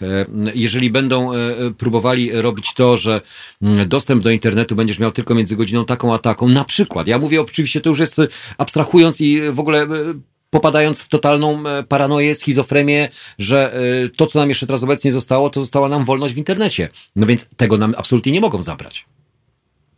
Mm, tak, ale niestety próbują. To oby, y, oby tylko próbowali, oby do tego absolutnie nie doszło, bo e, z tych zamkniętych pomieszczeń i z tych izolowanych, e, samoizolacyjnych e, jednostek myślę, że w końcu się społeczeństwo wkurzy i powie nie, dość tego bałamucenia i dość tego mm, otumaniania nas tylko i wyłącznie tym, że dla naszego bezpieczeństwa. Skoro mają robić coś dla naszego bezpieczeństwa, to niech to robią. Niech to robią mm, w świetle kamer, w świetle statystyk, danych rzeczywistych, autentycznych, a nie mm, wyimaginowanych, czy mm, po prostu wyssanych za przeproszeniem z palca albo podanych, bo tak wypada. Ale tutaj też, tak parafrazując troszeczkę to, co by powiedział Andres Hołd na, na czacie, mhm. to rząd będzie robił wszystko, żeby ukryć e, te informacje i ukryć to, co robi, e, bo dobrze wie, że jak przyjdzie czas rozliczeń, to będzie dla nich to, to okropną sytuacją. A, I niestety, niestety ten czas, mam nadzieję, że przyjdzie jak najszybciej. Znaczy ten czas y, z jednej strony mógłby być y, czasem e, rozliczeń, przynajmniej tego jednego, głównego rozdającego, ale to tylko i wyłącznie w wyborach parlamentarnych, bo to jest kwestia partii rządzącej. Obecnie wybory prezydenckie, które uważam, że powinny być przeniesione nie na żadną jesień, tylko za rok, a to, że prezydent będzie rządził dłużej, to niech rządzi. Niech sobie poradzi z tym problemem, który dotyka nas wszystkich teraz w tym momencie, tak? Jak wrzucenie teraz dodatkowego nowego prezydenta, wybory tego prezydenta, nawet jeżeli by obecny prezydent, rezydent nie, nie wygrał a, i byłby nowy, no to mamy sytuację, że cały kryzys zostałby już rzucony na, na niego ze stwierdzeniem, o, został wybrany nowy, nie poradził sobie z kryzysem. To nie nasza wina. No zawsze trzeba szukać kogoś e, winnego, bo przecież ci, którzy e, dokonują tych czynów, e, to raczej winy w sobie nie widzą. Szukają no, zawsze... na retorykę, która była 5 lat temu, że przez 8 ostatnich lat Pol, Pol, Pol, Polki i Polacy nie zrobili czegoś i wszystko była wina, wina e, lorda z Brukseli, to, to, to teraz byłoby to samo. Dobrze. Dobra. Myślę, ktoś próbuje się dozwonić. Tak, Robert e, próbuje się do nas dozwonić, nasz korespondent e, właśnie z Brukseli o wspomnianej e, przed chwileczką tobie, może nie lordzie, czy nie lordzie, bo to nie wina tylko i wyłącznie Tuska, bo myślę, że wina to jest przede wszystkim tych, którzy mają władzę, mają narzędzia, mają odpowiednie instrumenty do tego, aby radzić albo sobie po prostu poradzić, a jeżeli sobie nie radzą, no to sorry, niestety. A ja powinienem, powinienem wejść do, do, do ciepłego domu, bo widzicie to na zewnątrz. To e, ciepły dom, ciepła herbatka i e, odpoczynek i relaks. Tego odpoczynku i relaksu mamy rzeczywiście tak. zbyt dużo. Dzięki. Dobra, dzięki Robert, pozdrawiam serdecznie. E, trzymaj się ciepło. E, skoro e, mówimy o tym, e, kto, gdzie, co ma wejść, no to u nas teraz w tym momencie oczywiście kolejna dawka muzyki. Buffalo Springfield, Buffalo Springfield. No proszę, tak to się nazywa.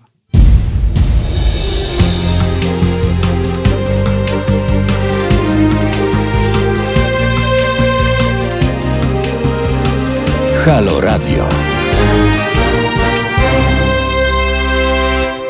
Halo Radio, godzina 8.17 i tak jak obiecałem, e, deklarowałem, tak też się e, stanie. E, nasz korespondent Zbigniew Stefanik z Nadsekwany, witam serdecznie. Dzień dobry Panie Zbigniewie.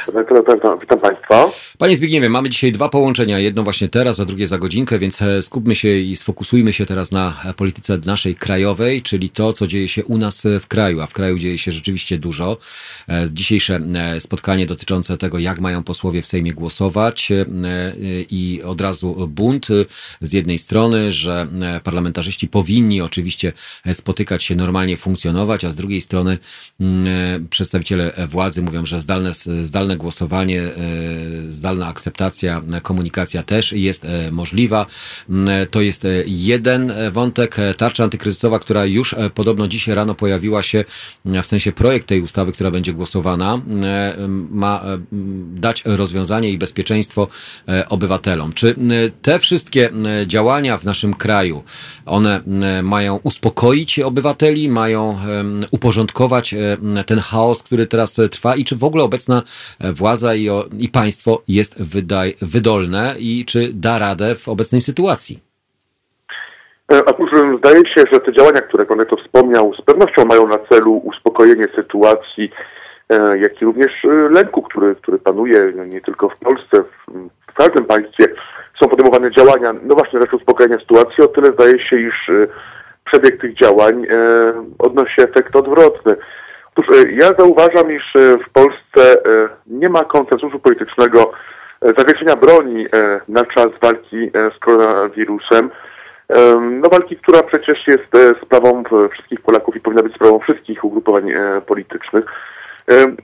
Zdaje się, iż wynika to z braku zaufania, wzajemnego zaufania zarówno ze strony opozycji, jak i również rządzących. Otóż tutaj, o ile ta współpraca zdawała się być możliwa, w momencie przyjmowania specustawy dotyczącej no właśnie walki z kryzysem, o tyle zdaje się, iż tej współpracy nie ma i jak wszystko na to wskazuje, nie będzie.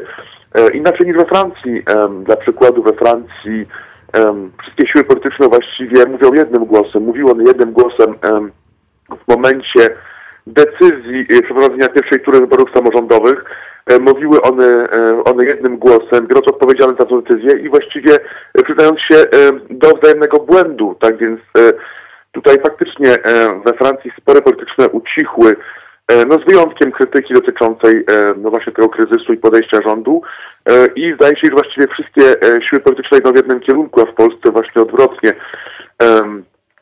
Politycy nie są w stanie właściwie przyjąć wspólnych rozwiązań, nawet jeśli chodzi o głosowanie i przebieg tego głosowania w Sejmie. I jak już wspomniałem, dla mnie jest to dowód na całkowity brak zaufania, który panuje w poszczególnych obozach politycznych co właściwie uniemożliwia tą współpracę i jest to z pewnością problem, ponieważ no, w takiej sytuacji, e, która jest sytuacją e, nadzwyczajną, e, podobna sytuacja z punktu widzenia epidemiologicznego miała miejsce w Europie, na świecie 100 lat temu. Tak więc z pewnością sytuacja, jak już wspomniałem, nadzwyczajna, ekstraordynaryjna, powinna wymusić na politykach no, pewien konsensus, przynajmniej konsensus pozorny, który dałby obywatelom bezpieczeństwo, tak bezpieczeństwa takie poczucie, że politycy wspólnie e, w jakiś sposób, e, na tyle ile, ile to jest możliwe, panują nad sytuacją i są w stanie współpracować. Ale panie Zbigniewie, Tego... bo tutaj zawsze mówimy, że diabeł tkwi w szczegółach, e, bo dużo słyszymy ogólników. Mamy oczywiście ten projekt, który też nie jest jakby takim, nazwijmy to, dokumentem dla nas jasnym i klarownym, chociaż rozpisane tutaj są elementy wszystkie na konkrety. Czy nie będzie tak, że opozycja całościowo tego nie, a czy zaakceptuje to, ale będzie miała duże wątpliwości, a społeczeństwo, które ma nadzieję, że będzie objęte tym e, projektem, część społeczeństwa będzie po prostu wykluczone z automatu, bo nie będzie spełniało kryteriów. E, należy sobie zdać sprawę z tego, że właściwie Polska no, nie znajduje się w takiej sytuacji, która umożliwiłaby jej e, finansowanie dużych projektów lotnikowych, ponieważ faktycznie rządzący, którzy rządzą właściwie Polską już prawie od pięciu lat, w sposób dość systematyczny i konsekwentny wydają e, grosz publiczny, jak i również e, rezerwy, które zawierały ten grosz publiczny. Tak więc e, z pewnością zarówno rządzący, jak i opozycja zdają sobie sprawę z tego, iż no, Polski po prostu nie stać na ambitne plany ratunkowe, takie plany, jakie są przyjmowane na przykład we Francji, przypomnę, 45 miliardów euro natychmiast na ratowanie francuskiej gospodarki, 300 miliardów euro gwarancji dotyczących E, no właśnie, e, kredytów e, pobieranych przez firmy na ratowanie sytuacji wewnątrz francuskiego biznesu. Na taki plan zresztą nie stać Polski, nie stać Polski również na jakikolwiek ambitny plan widzenia finansowego, tak więc na przykład na przykładu ten plan zawiera zapowiedź o zawieszeniu składek emerytalnych, składek ZUS-owskich, a nie o ich likwidacji.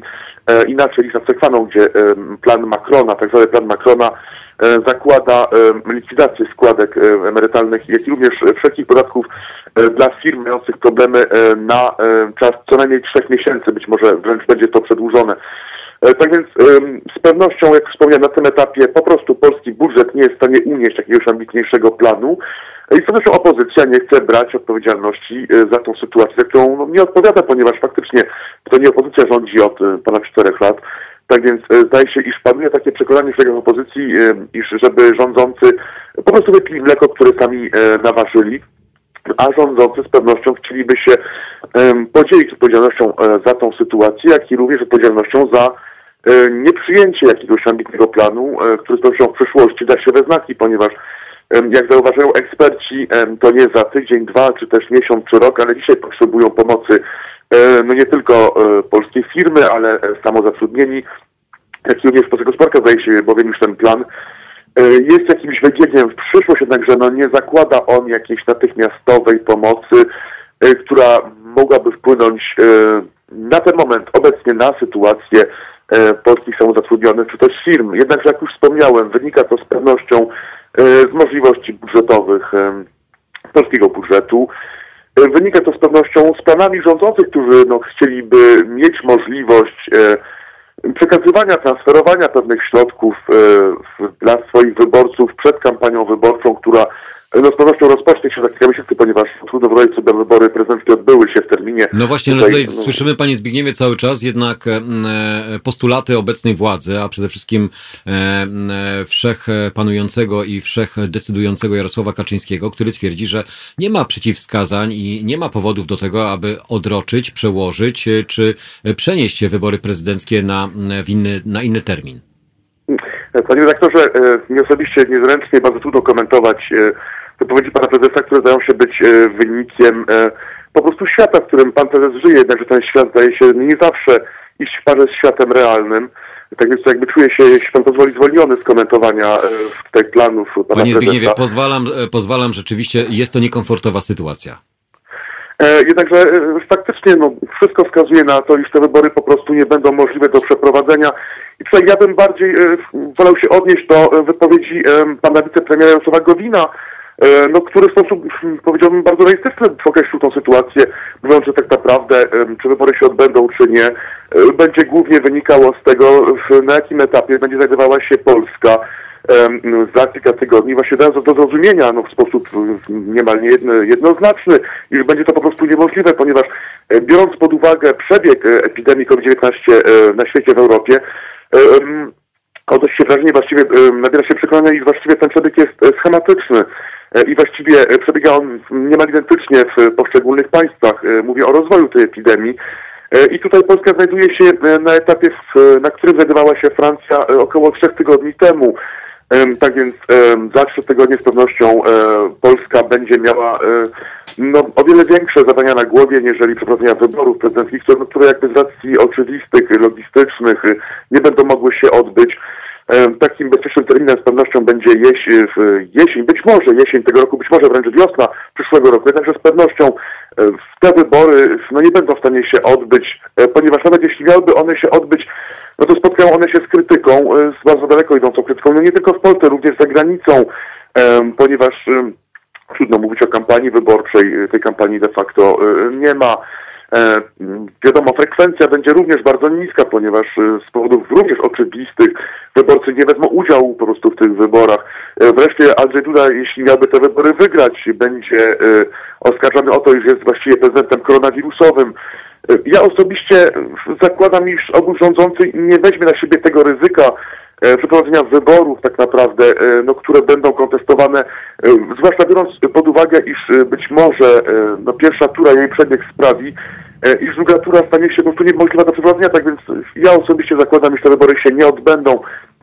Jednakże faktycznie na tym etapie być może część e, obozu rządzącego, być może sam pan prezes e, chciałby te wybory przeprowadzić w terminie, jednakże jak już wspomniałem, warunki panujące w świecie nowogrodzkim niekoniecznie idą w parze z panującymi w świecie realnym. Ja rozumiem, że jesteśmy świadomi tego, albo mamy tą świadomość w pełni, że wybory się nie odbędą. To teraz pytanie, dlaczego akurat cały czas gra się tym, że wybory powinny się odbyć. Dlaczego akurat nie mówi się mm, od razu, teraz, e, w tym momencie i nie skupia się i nie koncentruje się na sprawach mm, społecznych i bezpieczeństwu obywateli Polaków, a jeszcze rozbija się ten temat na wybory, od, mają się odbyć, czy się mają nie odbyć?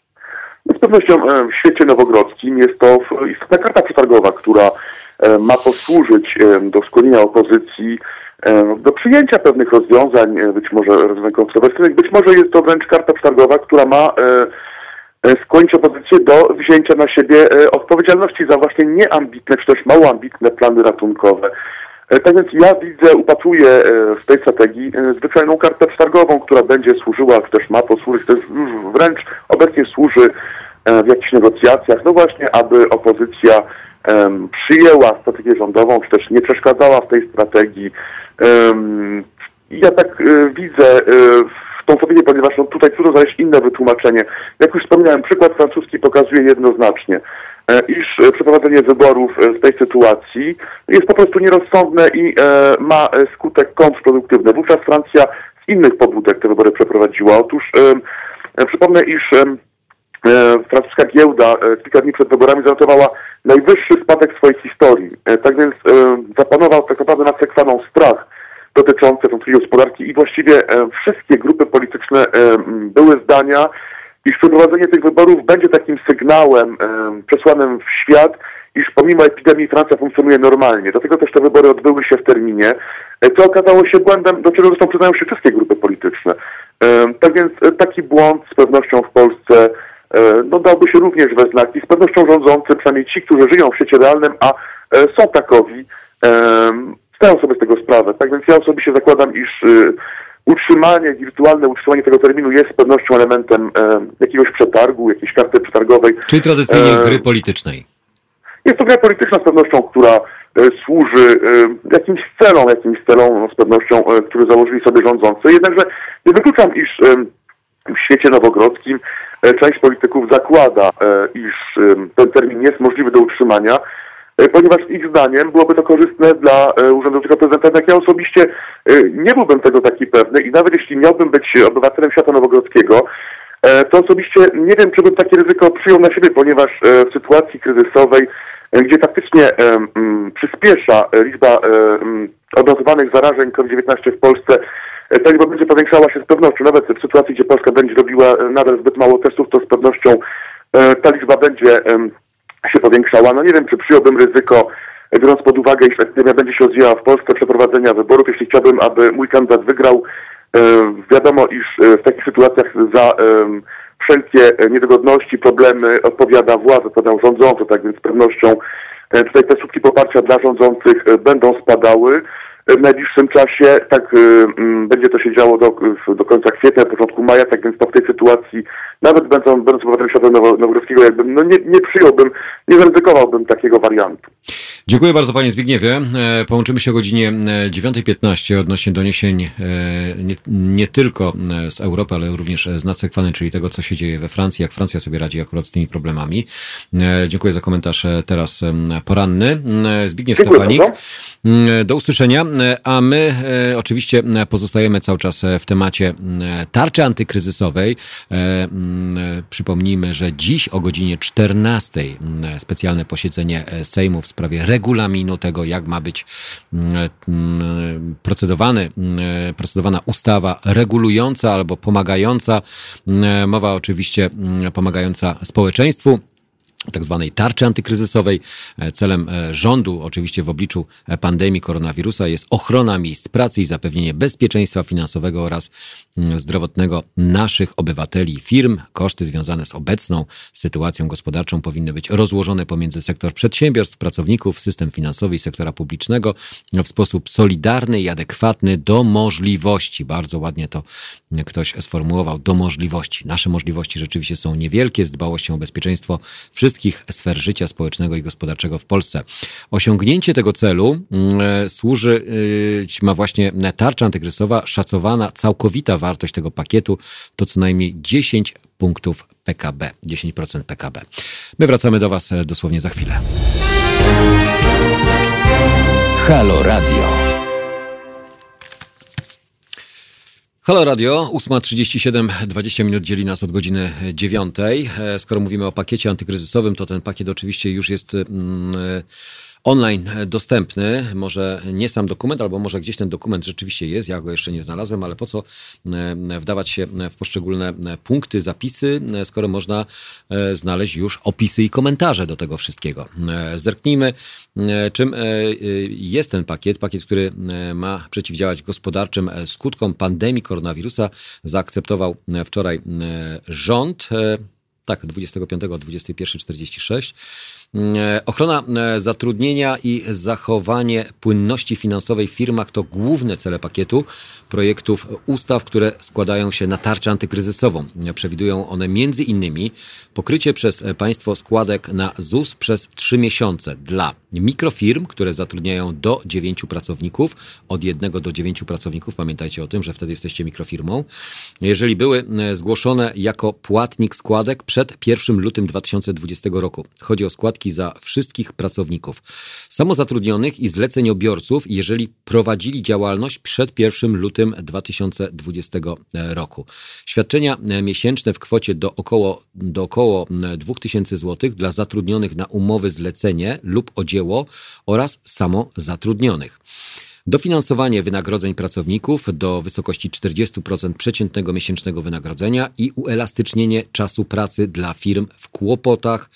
Mm, e, no, w kłopotach to my jesteśmy generalnie.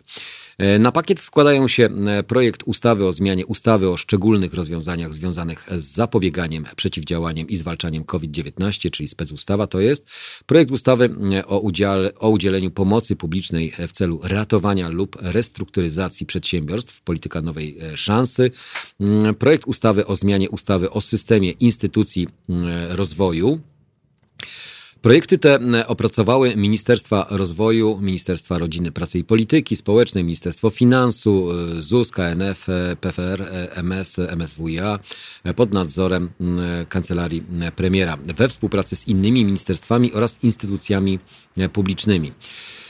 Co pakiety przewidują? Przewidują również między innymi pokrycie e, wspomniane wcześniej przez państwo składek dla mikrofirm, dofinansowania, ale tu i dofinansowania wynagrodzeń pracowników i uelastycznienie czasu pracy. Te wspomniane 2000 zł też mm, dla osób posiadających mm, swoją e, własną firmę lub pracujących na e, umowy zlecenie e, o, dziełę, o dzieło.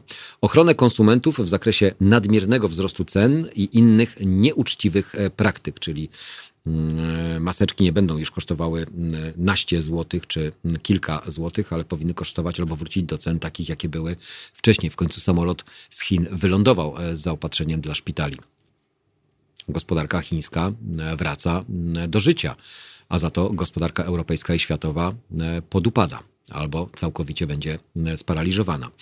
Ochronę, te ustawy zawierają również ochronę konsumentów przeciwko właśnie tym nieuczciwym praktykom, czasowe zniesienie opłat prolongacyjnej w należnościach skarbowych i ZUS-owskich, umożliwienie odliczenia od dochodu przychodu darowizn przekazanych na przeciwdziałanie mm, koronawirusa, mm, korzystniejsze zasady rozliczenia straty, mm, wsparcie firm transportowych, przez ARP w refinansowaniu umów leasingowych, ułatwienie dla branży turystycznej, umożliwienie sklepom w niedzielę objętym zakazem handlu przyjmowania towaru, rozładowania go oraz wykładania na półki.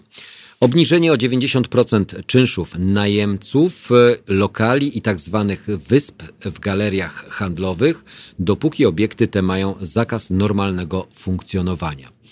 Czyli nie 100%. 10% będziemy ponosić jako e, koszty. Przedłużenie legalnego pobytu i zezwoleń na pracę dla obcokrajowców. Zwalnianie z naliczania kar umownych za związanie z epidemią opóźnienia przy realizacji przetargów, umożliwienie gminom odstąpienia od pobierania podatku od nieruchomości od firm, które przez epidemię koronawirusa utraciły płynność finansową. Przedłużanie bankowych kredytów obrotowych w oparciu o dane finansowe na koniec 2019 roku. Gwarancje de minimis y, z BGK, y, dopłaty BGK do odsetek, y, fundusze płynnościowe BGK, PFR i KUKE, w tym możliwość uzyskania przez średnie duże firmy z funduszu PFR inwestycje, podwyższenie kapitału lub finansowania w postaci obligacji łącznie o wartości 6 miliardów. E, szczegóły e, wybranych rozwiązań. Może rozłożymy sobie to e, na raty w międzyczasie.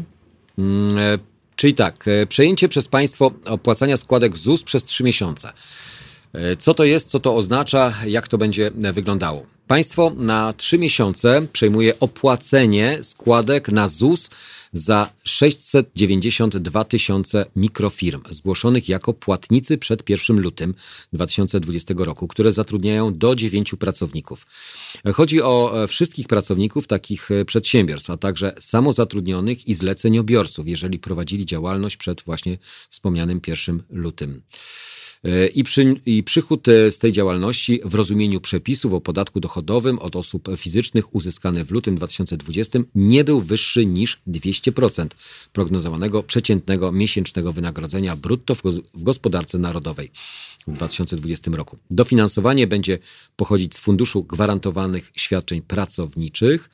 Dzięki temu pracodawcom spadną e, koszty osobowe o 35%. Koszt tego rozwiązania dla finansów publicznych szacowany jest na 3,4 miliarda złotych miesięcznie przy miliardzie 700 milionów pracowników. W sumie daje to 10 miliardów 200 milionów złotych za okres trzech miesięcy. Świadczenia dla zatrudnionych na umowę zlecenia lub o dzieło oraz samozatrudnionych, wypłata ZUS gwarantowanego świadczenia miesięcznego nieoskładkowanego i nieopodatkowanego, co do zasady jest to kwota w wysokości 80% minimalnego wynagrodzenia. W przypadku osób, które w miesiącu poprzedzającym miesiąc złożenia wniosku uzyskały przychody z tytułu umowy cywilnoprawnej w rozumieniu przepisów o podatku dochodowym od osób fizycznych poniżej 50% minimalnego wynagrodzenia, będzie to kwota osiągniętego e, wynagrodzenia z tytułu umowy cywilnoprawnej w miesiącu poprzedzającym złożenie wniosku. W przypadku osób rozliczających się np. w formie karty podatkowej będzie to kwota w wysokości 50% minimalnego wynagrodzenia. Warunkiem uzyskania świadczenia jest to, aby przychód w miesiącu poprzedzającym miesiąc złożenia wniosku nie przekroczał 200% e, przeciętnego wynagrodzenia. Poza tym przedsiębiorca musi prowadzić działalność właśnie przed lutym pierwszym 2020, a jego przychód w miesiącu poprzedzającym miesiąc złożenia wniosku musi spaść minimum o 15%. No 15% to myślę, że chyba każdemu spadło zdecydowanie więcej. Są takie firmy, którym spadł przychód o 100% to wtedy chyba nie będzie żadnych wątpliwości. W stosunku do miesiąca poprzedniego, jeżeli zawiesił prowadzenie działalności, do zawieszenia tej działalności musiało dojść nie wcześniej niż 1 lutego, aby zleceniobiorca lub wykonawca dzieła mógł otrzymać świadczenia, musi udowodnić zawarcie umowy przed 1 lutym 2020 roku. E, powiem szczerze, że mam tutaj pewne wątpliwości albo pewne obiekcje z tego względu, że e, hasło e, dotyczące zawieść działalność, będziesz miał mniejsze koszty, może tutaj zostaje gdzieś tam rozwiana. Nie wiem, jak zawsze diabeł diabeł tkwi w szczegółach. Zobaczymy, e, jak będzie to wyglądało w zapisach ustawowych, mm, e, bo e, zawsze są pewne obostrzenia i są pewne kryteria, które umożliwiają lub mm, ograniczają nam możliwość korzystania z tego typu usług i świadczeń, ale mm, zawieszenie działalności uchrania nas przed generowaniem kolejnych kosztów, ale też uniemożliwia nam funkcjonowanie i E, zawieranie jakichkolwiek kontaktów e, czy kontraktów, tak? E, oczywiście możemy odwiesić, może minimum zawieszamy na 30 dni, ale odwiesić możemy w każdym momencie, kiedy dojdzie do jakiegoś zawarcia jakiegoś umowy. Tylko teraz pytanie, jeżeli jesteśmy samozatrudnionymi, to ja zadaję to pytanie, bo mówię to we własnym przypadku. Nie mam żadnej umowy z, ze swoim nazwijmy to kontrahentem umowy mm, zawartej pisemnej, tylko wystawiam fakturę na zasadzie e, zlecenia. Czy to też jest forma umowy, czy to ma być rozliczane na zasadzie książka przychodów i rozchodów, e, która pokazuje moje przychody czy moje obroty. Jeżeli one spadły o daną kwotę, no to wtedy jestem objęty taką klauzulą czy taką ustawą. A jeżeli nie, to czy z każdym e, swoim kontrahentem powinienem zawrzeć umowę na dane na dane dzieło. No generalnie myślę, że w przypadku na przykład gastronomii E, świadczenia, które są wykonywane, albo świadczenia, które są pobierane przez daną gastronomię, czy przez firmy współpracujące, to, to jest na zasadzie po prostu złożonych zamówień, tak, na wykonywanie danych usług, świadczeń. I to nie są cykliczne, czyli stałe, ale są to na przykład czasowe. I wielokrotnie jest tak, że mamy kilku, kilkunastu albo kilkudziesięciu Mm, naszych e, pracodawców, nazwijmy to w cudzysłowie, e, którym wystawiamy e, tak zwane faktury. I faktury są naszym mm, dowodem przychodu lub obrotu. Więc jak to będzie wyglądało? Mm, Zastanawiam się nad tym, więc też będę szukał odpowiedzi na to. Jak ją uzyskam, to chętnie się z Wami e, nimi podzielę. E, okej, okay. E, co do dalszych rozwiązań i tego opisowego, nazwijmy to, projektu, bo nie posiadam takiego dokumentu, jak to posłowie w zapisach, od do paragraf, artykuł, bo myślę, że to byłoby zdecydowanie nudniejsze, więc taki opis jest zdecydowanie klarowny i bardziej zjadalny. Przejdziemy za chwileczkę. Będziemy no, oczywiście na bieżąco Was informować. Eurythmics teraz na antenie Halo Radio, no bo oprócz gadania również mamy trochę grania. There Must Be an Angel.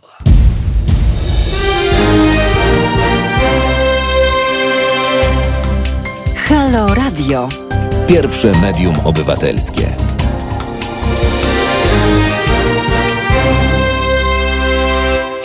Zostań w domu, idź na wybory. No, takie hasło można byłoby napisać na wszystkich e, billboardach e, promujących e, kampanię prezydencką Andrzeja Dudy.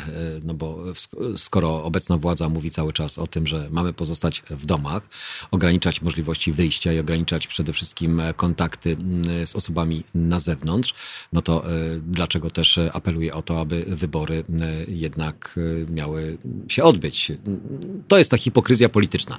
Okej, okay, ale wracamy do mm, mm, dalszego mm, rozkminiania projektów ustaw, e, które e, dziś e, będą, może nie dziś będą głosowane, bo one nie będą procedowane, one są na razie przedstawione, więc dziś o godzinie 14 w Sejmie posiedzenie dotyczące zmian regulaminu, czyli tego, jak mają posłowie głosować i czy w ogóle będą głosowali online, czy będą głosowali personalnie, osobiście, e, czy będzie pełna akceptacja, czy y, będą raczej spory i kłótnie. Ja liczę na to, albo liczę, no, spodziewam się, bo myślę, że nic inne, czego innego nie możemy się spodziewać, E, że będą oczywiście e, problemy mm, i już wiemy o tym, że mm, obowiązkiem parlamentarzystów jest to, aby brać e, czynny udział w posiedzeniach Sejmu. Przecież w końcu za to im też płacimy. Ciekawe, czy mm, posłowie z powodu koronawirusa jakby swoją aktywność polityczną też oceniają finansowo na tak zwane minimum.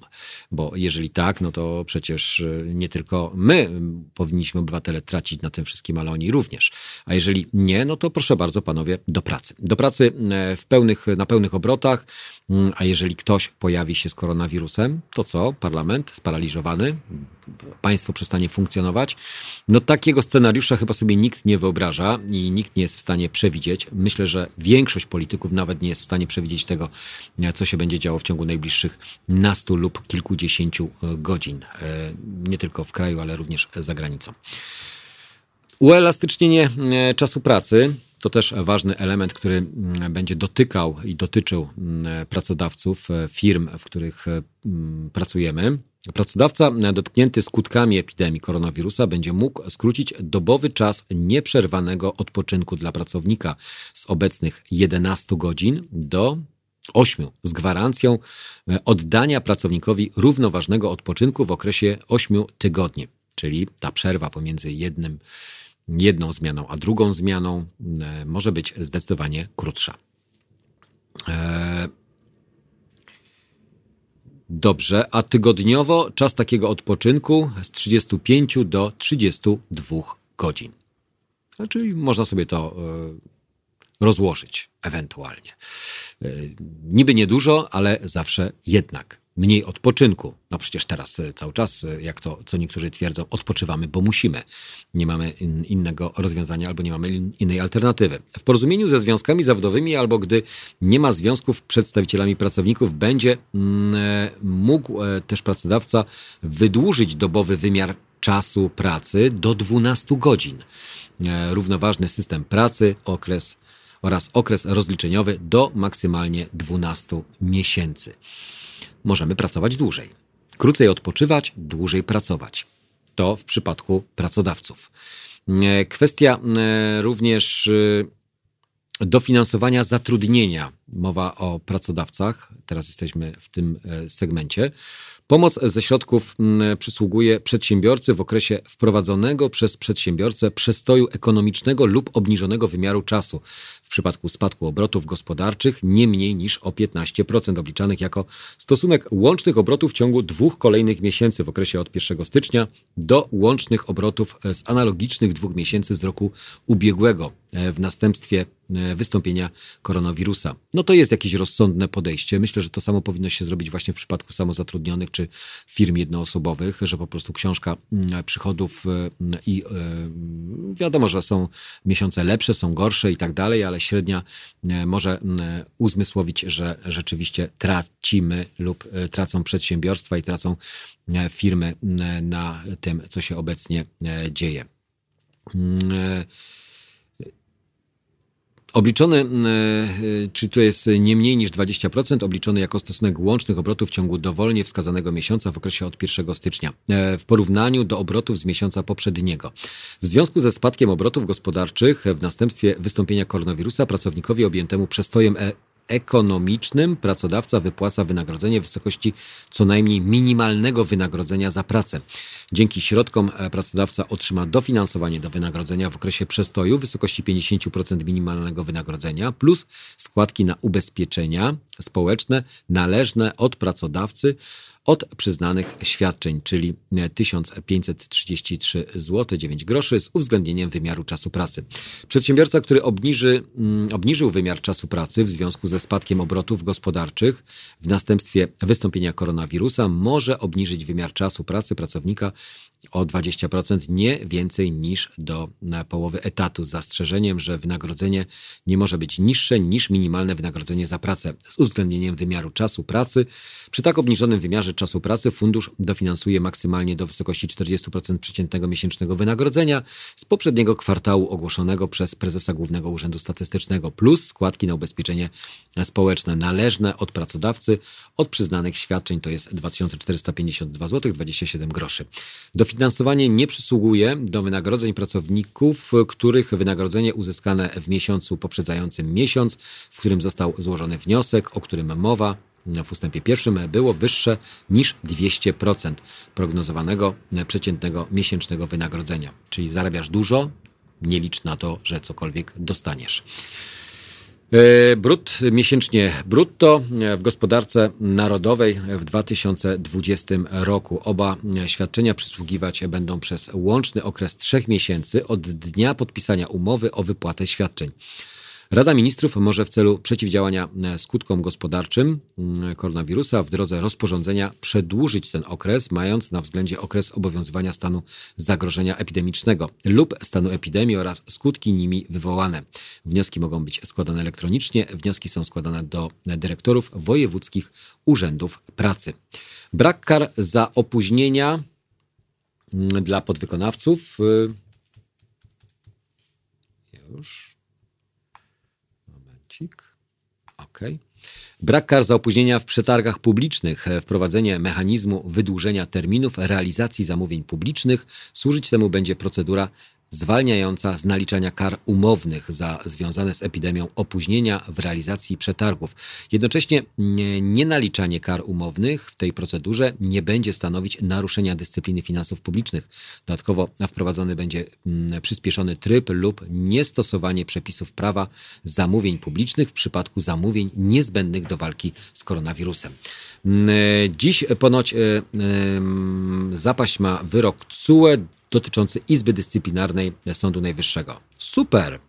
Świetnie, że zapadnie wyrok. Ciekawe, co na to Ministerstwo Sprawiedliwości. Przecież Ministerstwo Sprawiedliwości i prokurator generalny, czyli dwie osoby w jednym, mają całkowicie odmienne zdanie odnośnie regulacji Unii Europejskiej czy praw, które no, z jednej strony powinny być respektowane, szanowane, ale zawsze interpretacja tego wszystkiego jest całkowicie inna przez nasze władze czy przez nasze poszczególne e, gremia. Mm, e, Grzegorz pisze, tak jest w sytuacjach wyjątkowych. Niektórzy mają wolnego czasu więcej, a niektórzy więcej zapierniczają.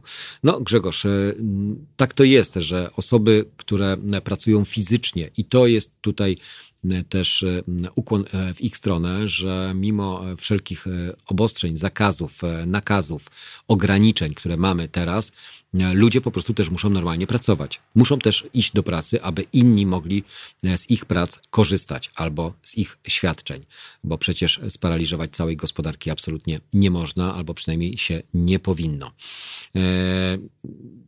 To w kwestii mm, wolnego i przedłużonego. Ułatwienia dla branży turystycznej. Właśnie ja nie wiem, jak to będzie z tymi ułatwieniami dla branży turystycznej. Erka mi odpadła tutaj. o, przykleję Erkę. No, to tak zdarza się. Przedłużenie terminu na zwrot wpłat klienta w przypadku niemożności e, zorganizowania wydarzenia z powodu epidemii dotyczący organizacji wystaw i kongresów lub działalności kulturalnej, rozrywkowej, rekreacyjnej, sportowej, organizującej wystawy tematyczne lub imprezy plenerowe do 180 dni od rozwiązania umowy. Dziś jest to 14 dni. No jest to jakieś e, rozwiązanie, tylko pamiętajmy, że pieniądz lubi ruch, a pieniądz wtedy ma możliwości funkcjonowania i pracodawcy, podwykonawcy i wszyscy ci, którzy się kręcą wokół tego wszystkiego, e, działają, e, jeżeli ten pieniądz ma przepływ, czyli transmituje się, tak, tak jak koronawirus. Ale z możliwość odroczenia, możliwość zwrotu, mm, rzeczywiście e, tego typu sytuacje mogą być e, korzystniejsze. Możliwość skorzystania przez klientów z voucherów na realizację imprezy turystycznej w ciągu roku od dnia, w którym miała się odbyć impreza odwołana w związku z przeciwdziałaniem e, COVID-19. Nie wiem, jak te vouchery działają, ale widziałem tego typu akcje, że ktoś świadczy usługi a później e, e, teraz będzie płacone e, za to, a później vouchery będą do wykorzystania. No to jest takie chwilowe zabezpieczenie, ale czy dobrze będzie to funkcjonowało, czy to dobrze funkcjonuje, może macie większą wiedzę na tym, albo też w tej dziedzinie i w tej materii macie doświadczenie. Rozliczenie całej tegorocznej straty w przyszłym roku. Umożliwienie podatnikom CIT i PIT, którzy ponoszą negatywne konsekwencje COVID-19, odliczanie straty poniesionej w 2020 roku od dochodu z działalności uzyskanego w roku 2019. Warunek to osiągnięcie w roku obecnym w porównaniu do poprzedniego przychodów niższych o co najmniej 50%. No to po prostu jest y, to y, doskonały przy, przy, przykład tego, jak można y, właśnie mm, przedstawić swoje obroty. W roku 19 było zdecydowanie lepiej, w roku 2020 zdecydowanie gorzej. Tylko, że musi to być e, spadek o co najmniej 50%. Przedłużenie bankowych kredytów obrotowych, umożliwienie obliczenia zdolności kredytowej w oparciu o dane finansowe na koniec 2019 roku. Towarzyszyć temu będą rekomendacje e, w zakresie sposobu liczenia rezerw, na przykład na kredyty. E, sektor bankowy zadeklarował gotowość do przedłużania kredytów obrotowych przy zmianie regulacji. Rozwiązanie to umożliwia wydłużenie kredytów obrotowych o wartości około 150 miliardów złotych dla sektora przedsiębiorstw. No z tymi kredytami to jest mm, tak, że wiadomo, że bank to jest, e, sektor bankowy to jest e, jakby mm, całkowicie inny element. To nie jest uzależnione od państwa, to my podejmujemy decyzje w doborze czy w wyborze kredytu, chociaż w kwestii działalności gospodarczej musimy płacić płacić za e, sprawy leasingowe, za e, kredyty, które pozwalają nam funkcjonować, no to teraz banki z jednej strony chcą nam ulżyć, czyli tylko rozłożyć, rozłożyć albo odłożyć, odłożyć, ale swoje e, na tym oczywiście zarobią, bo jakby to nie było, bank jako chyba jedyna instytucja na tym wszystkim stracić nie straci. Wracamy do Waszych komentarzy już lada moment i za chwilę też połączymy się Mm, z naszym korespondentem Zbigniewem Stefanikiem, tak jak obiecałem wcześniej, e, godzina 9.15. Scorpions, Wind of Change. Halo Radio. Gadamy i trochę gramy.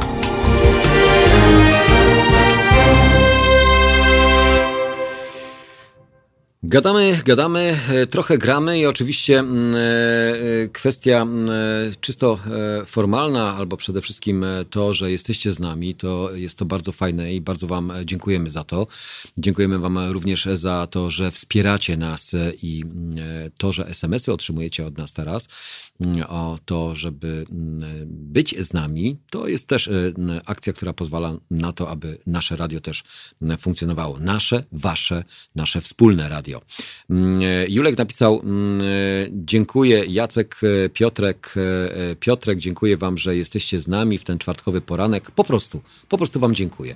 My Wam też dziękujemy. Dziękujemy Wam za to, że mm, słuchacie nas, za to, że jesteście aktywni, że każdego dnia pojawiacie się na czatach, odpalacie aplikacje, odpalacie YouTube'a, odpalacie Facebooka i że nas wspieracie bo każda cegiełka pozwala zbudować jeden wspólny dom.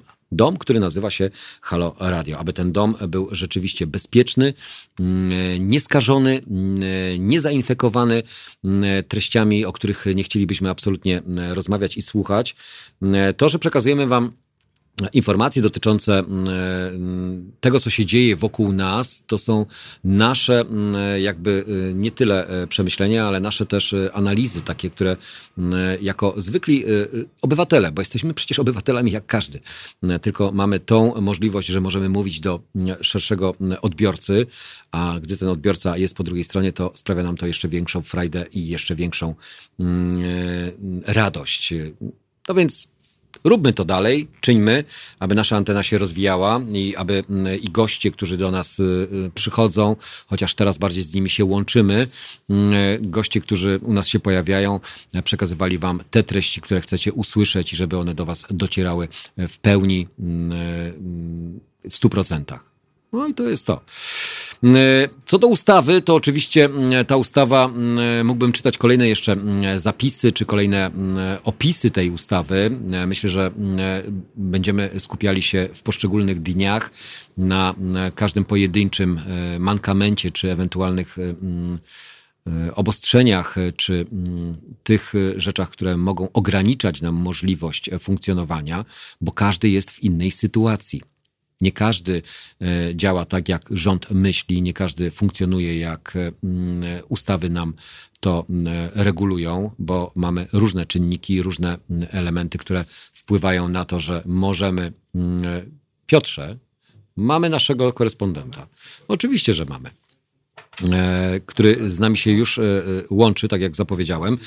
Mm, no bo to antena na żywo, więc jeżeli słyszycie tego typu mm, sytuacje i zwroty, no to świadczy o tym, że jesteśmy online, dostępni za pomocą aplikacji, za pomocą Facebooka, za pomocą YouTube'a, po prostu Halo Radio.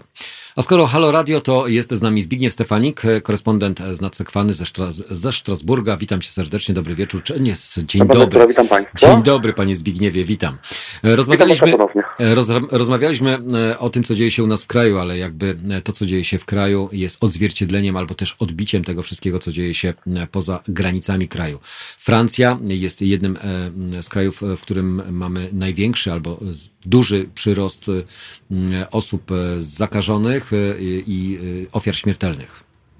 Mm, tak, faktycznie. E, na ten moment Francja jest trzecim mm, krajem w Europie, e, gdzie jest e, najwyższa śmiertelność spowodowana COVID-19, jak i również mm, trzecim krajem w Europie pod względem oczywiście tej oficjalnej odnotowanej liczebności przypadków zachorowań na COVID-19. Według statystyk podanych wczoraj przez francuskie Ministerstwo Zdrowia na godzinę 20 znajdowało się nad Sekwaną odnotowanych przypadków zachorowań na COVID-19 25 233. Śmiertelność na COVID-19 wyniosła na godzinę 20 wczoraj e, we Francji 1331 osób, czyli tyle osób zmarło od początku tego kryzysu.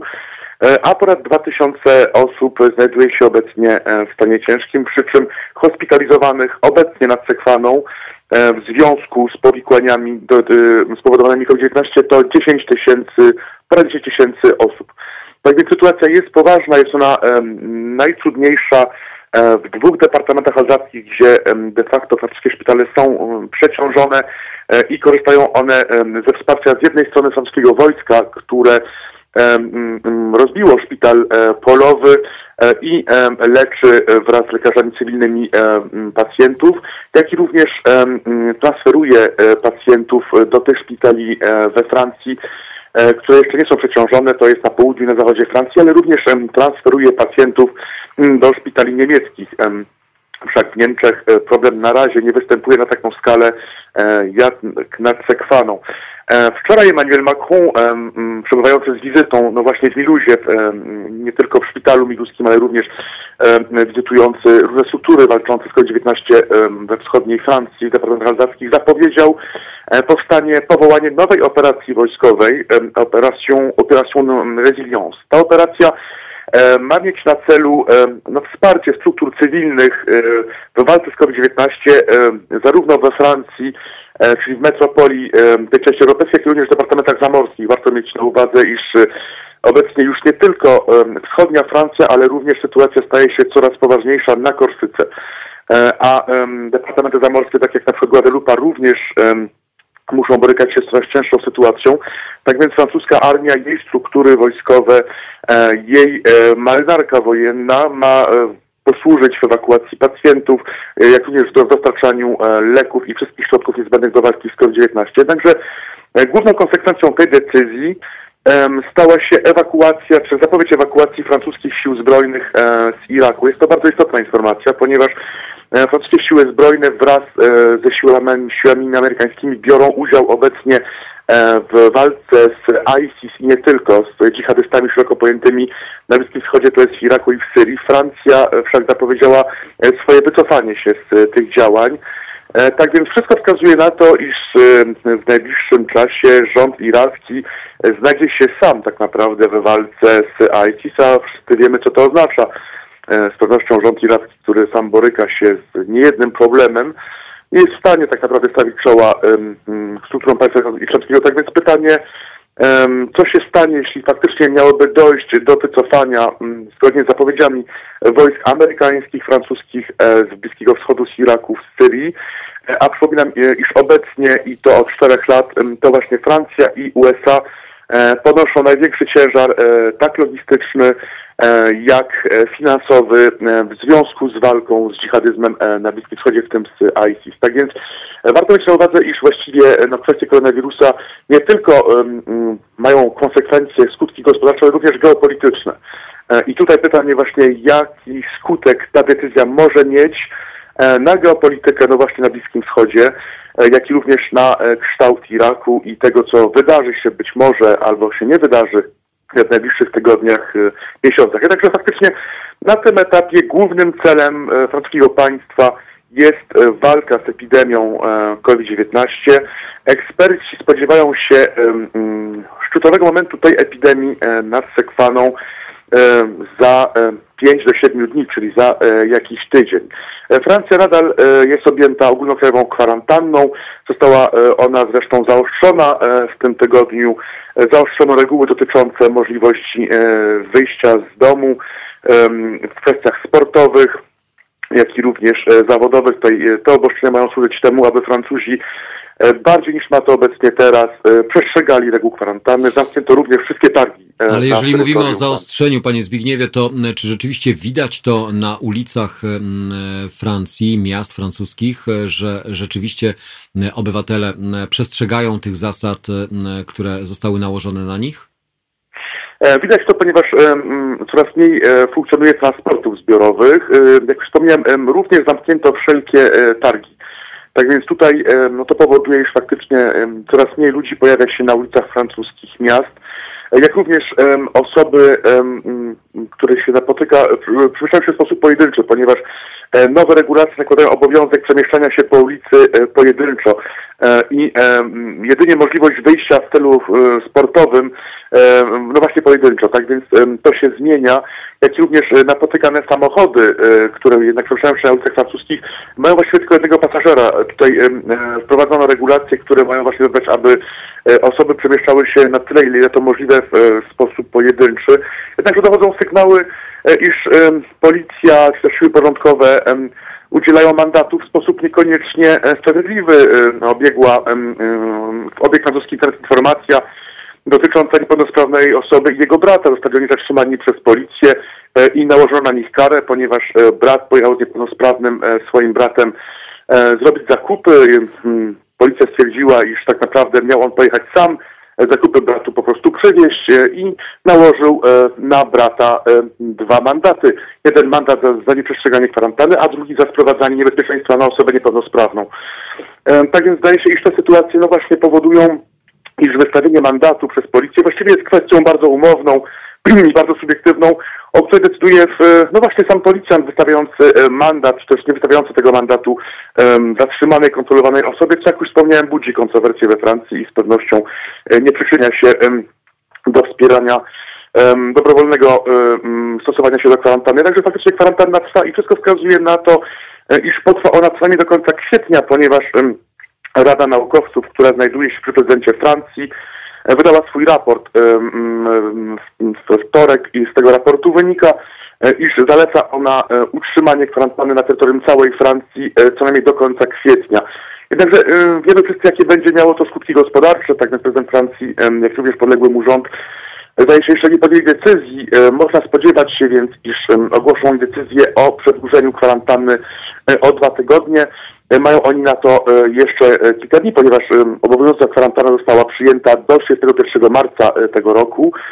Tak trudno spodziewać się tej decyzji w najbliższych dniach, jednakże na tym etapie trudno powiedzieć, iż czy prezydent Francji zdecyduje się e, na przedłużenie kwarantanny do końca kwietnia, e, jak już wspomniałem, zważywszy na straty gospodarcze, e, które ta kwarantanna przynosi. Jednakże faktycznie mówi się coraz częściej we Francji o tym, co stanie się po odniesieniu kwarantanny. Tutaj wszystkie władze zapowiadają bardzo szeroką kampanię testów. Otóż po odniesieniu kwarantanny francuskie władze, jak również Toulouse mają zamiar testować możliwie jak najwięcej przebywających na terytorium Francji osób, tak właśnie, aby zahamować e, e, możliwy e, rozwój, czy też rozpoczęcie kolejnej epidemii COVID-19 po tej kwarantannie. Na tym etapie nie wiemy, jakie skutki przyniesie ta kwarantanna, skutki realne z punktu widzenia epidemii, ponieważ wiadomo, na skutki takiej kwarantanny trzeba poczekać przynajmniej 14 dni, na razie ta kwarantanna trwa nad sekwaną 9 dni. Jednakże wojna z COVID-19, jak prezydent Francji nazwał ten kryzys, nazwał on ten kryzys wojną, trwa e, tak naprawdę w najlepsze i faktycznie tutaj przyrost zarażeń, jak i również śmiertelność we Francji rośnie, jest ona bardzo wysoka. Wynosi ona obecnie około no, 200 ofiar śmiertelnych w jedną dobę, tak więc bardzo wysoka śmiertelność. W tym samym czasie francuskie Ministerstwo Edukacji zastanawia się nad tym, co zrobić z maturami, ponieważ no, nie tylko wybory, ale przecież wszelkie egzaminy dojrzałości, jak również egzaminy gimnazjalne, które czekają e, francuskich uczniów już e, za kilka tygodni. Na tym etapie e, wiemy, iż Ministerstwo Edukacji planuje, iż szkoły rozpoczną swoje funkcjonowanie 4 maja tego roku.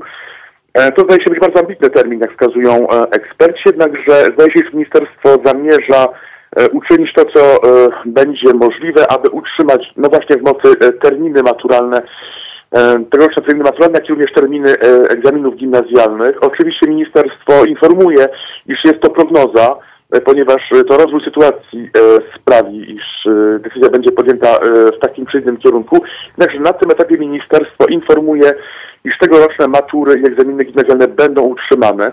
Obecnie podobnie jak w Polsce uczniowie korzystają z różnych platform i kontaktują się z nauczycielami przez internet. Nauczyciele E, prowadzą e, więc z nimi pracę e, zdalnie, jednakże no pytanie, czy może to zastąpić normalne lekcje, normalne nauczanie w, szkole, niezbędne oczywiście lekcje do zdania egzaminu przez też czytania matury. Tak więc kolejna debata, czy powinno utrzymać się nad sekwaną te terminy. Jak już wspomniałem, wiele czyni się we Francji, aby utrzymać na tyle, ile to możliwe, jakieś przynajmniej pozory normalności, czyli faktycznie mamy kryzys, ok, jest kwarantanna, ale państwo tam, gdzie może, e, funkcjonuje e, normalnie i spełnia e, swoje obowiązki. Jest to z pewnością taki sygnał, którą Francja chce wysłać w świat. Ten sygnał stał się nieskuteczny z pewnością podczas pierwszej tury wyborów samorządowych, o czym rozmawialiśmy mhm. godzinę temu. Pytanie, czy taki sygnał może być skuteczny w, w przypadku próby utrzymania e, terminów matur i egzaminów gimnazjalnych zdaje się bowiem w tej sytuacji utrzymanie tych terminów jest coraz mniej e, prawdopodobne. Jeszcze mam jedno pytanie, e, czy pomoc państwa francuskiego i tak zwany pakiet albo odpowiednik pakietu antykryzysowego, taki, takiej tarczy, która wprowadzana jest u nas teraz obecnie, nad, nią, nad którą będą posłowie się pochylać, czy jest satysfakcjonujący i w pełni akceptowalny przez społeczeństwo francuskie? Z pewnością on już działa, tak? Tak jest, warto jakby tą różnicę przedstawić, jakby on już we Francji funkcjonuje e, od kilku dni. E, z jednej strony istotne wsparcie e, dla rodziców pozostających w domu ze swoimi dziećmi. Mogą oni po prostu iść na zwolnienie lekarskie i tutaj jest dyrektywa, aby lekarze nawet zdalnie takie zwolnienia wydawali, no właśnie, aby nie przeciążać tutaj przychodni i gabinetów lekarskich. Z drugiej strony możliwość pójścia na tak zwane częściowe bezrobocie, czyli przyjąć zasiłek z tego tytułu jako częściowy bezrobotny. Wtedy firma, która musi zatrzymać swoją działalność, wystawia taki wniosek dla swoich pracowników i ten wniosek ma być rozpatrzony w przeciągu doby. E, jeśli są rozpatrzone pozytywnie, wówczas pracownicy mogą korzystać z zasiłku dla bezrobotnych na tym e, specjalnym e, systemie. Wreszcie już wdrożony system związany no właśnie z zawieszeniem, czy też w ogóle ze zlikwidowaniem składek dla tych firm, które znajdują się w najtrudniejszej sytuacji. Jednakże warto mieć na uwadze, iż według danych Ministerstwa Pracy opublikowanych w tym tygodniu e, z powodu kryzysu spowodowanego COVID-19 e, we Francji obecnie znajduje się ponad 700 tysięcy ludzi na bezrobociu. Tak więc w przeciągu czterech tygodni 700 tysięcy ludzi, ponad 700 tysięcy ludzi straciło pracę w sposób tymczasowy albo stały. No to się dopiero okaże, ponieważ trudno powiedzieć, kiedy ten kryzys się skończy. Jednakże faktycznie, jak mówiliśmy wcześniej, na pakiet pomocowy na ten moment E, francuskie państwo przeznacza 55 e, miliardów euro e, i 300 miliardów euro gwarancji dla kredytów zaciąganych przez firmy, które będą miały problemy. Kolejnych 5 miliardów euro ma być przekazanych na badania związanych ze szczepionką, poszukiwaniem szczepionki na COVID-19. Tak więc ten pakiet zdaje się być pokaźny. E, eksperci zadają pytanie, czy francuski budżet jest w stanie go e, udźwignąć sytuacji, gdzie e, w zeszłym roku francuskie zadłużenie wynosiło de facto 100% rocznego PKB nad Sekwaną. Tak więc pytanie, czy taki budżet może być utrzymany? Również regulacje związane z tak zwanym tymczasowym kodeksem pracy, tutaj w niektórych sektorach, tak na przykład jak w sektorze żywnościowym, energetycznym, zakłada się, iż faktycznie pracownicy będą mogli być pozyskani do dłuższej pracy, nawet 60 godzin tygodniowo, jeśli stanie się to konieczne. E, kolejna kwestia, która budzi dużo kontrowersji e, we Francji, e, wreszcie w związkach zawodowych, to właśnie przekazanie, dobrowolne przekazanie przez pracowników części swoich urlopów płatnych na rzecz, no właśnie, limitowania strat, czyli w sytuacji, gdzie pracownik będzie zmuszony do zaprzestania swojej działalności, Dostawca będzie mu, e, mógł skasować do 6 dni e, jego urlopu, rocznego urlopu płatnego.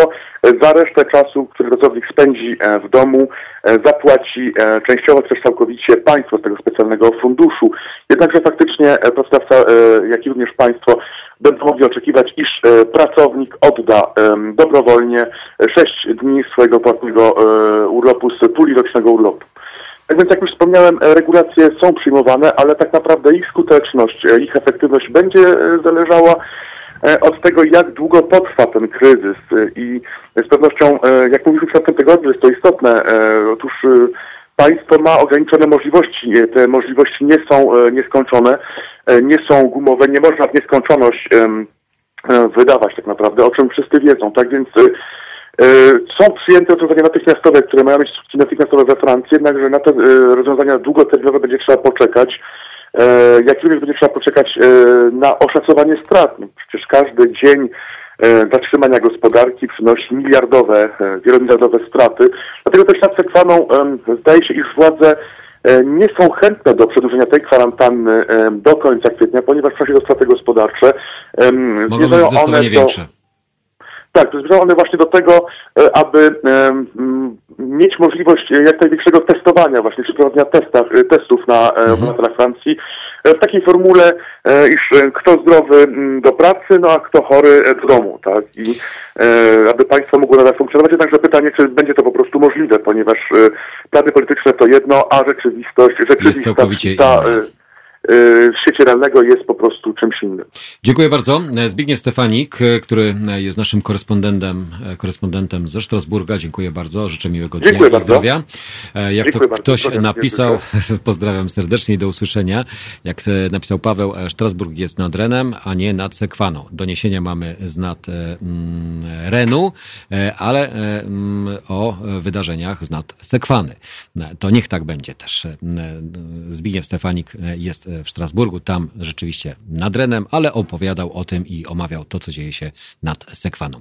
Pozdrowienia dla Pawła. Pozdrowienia również dla wszystkich tych, którzy z nami jeszcze są. Mm, godzina 9.30. WW, e, nim stanie się tak, no właśnie, nim stanie się tak, to pozostańcie z nami do godziny 10. Halo Radio.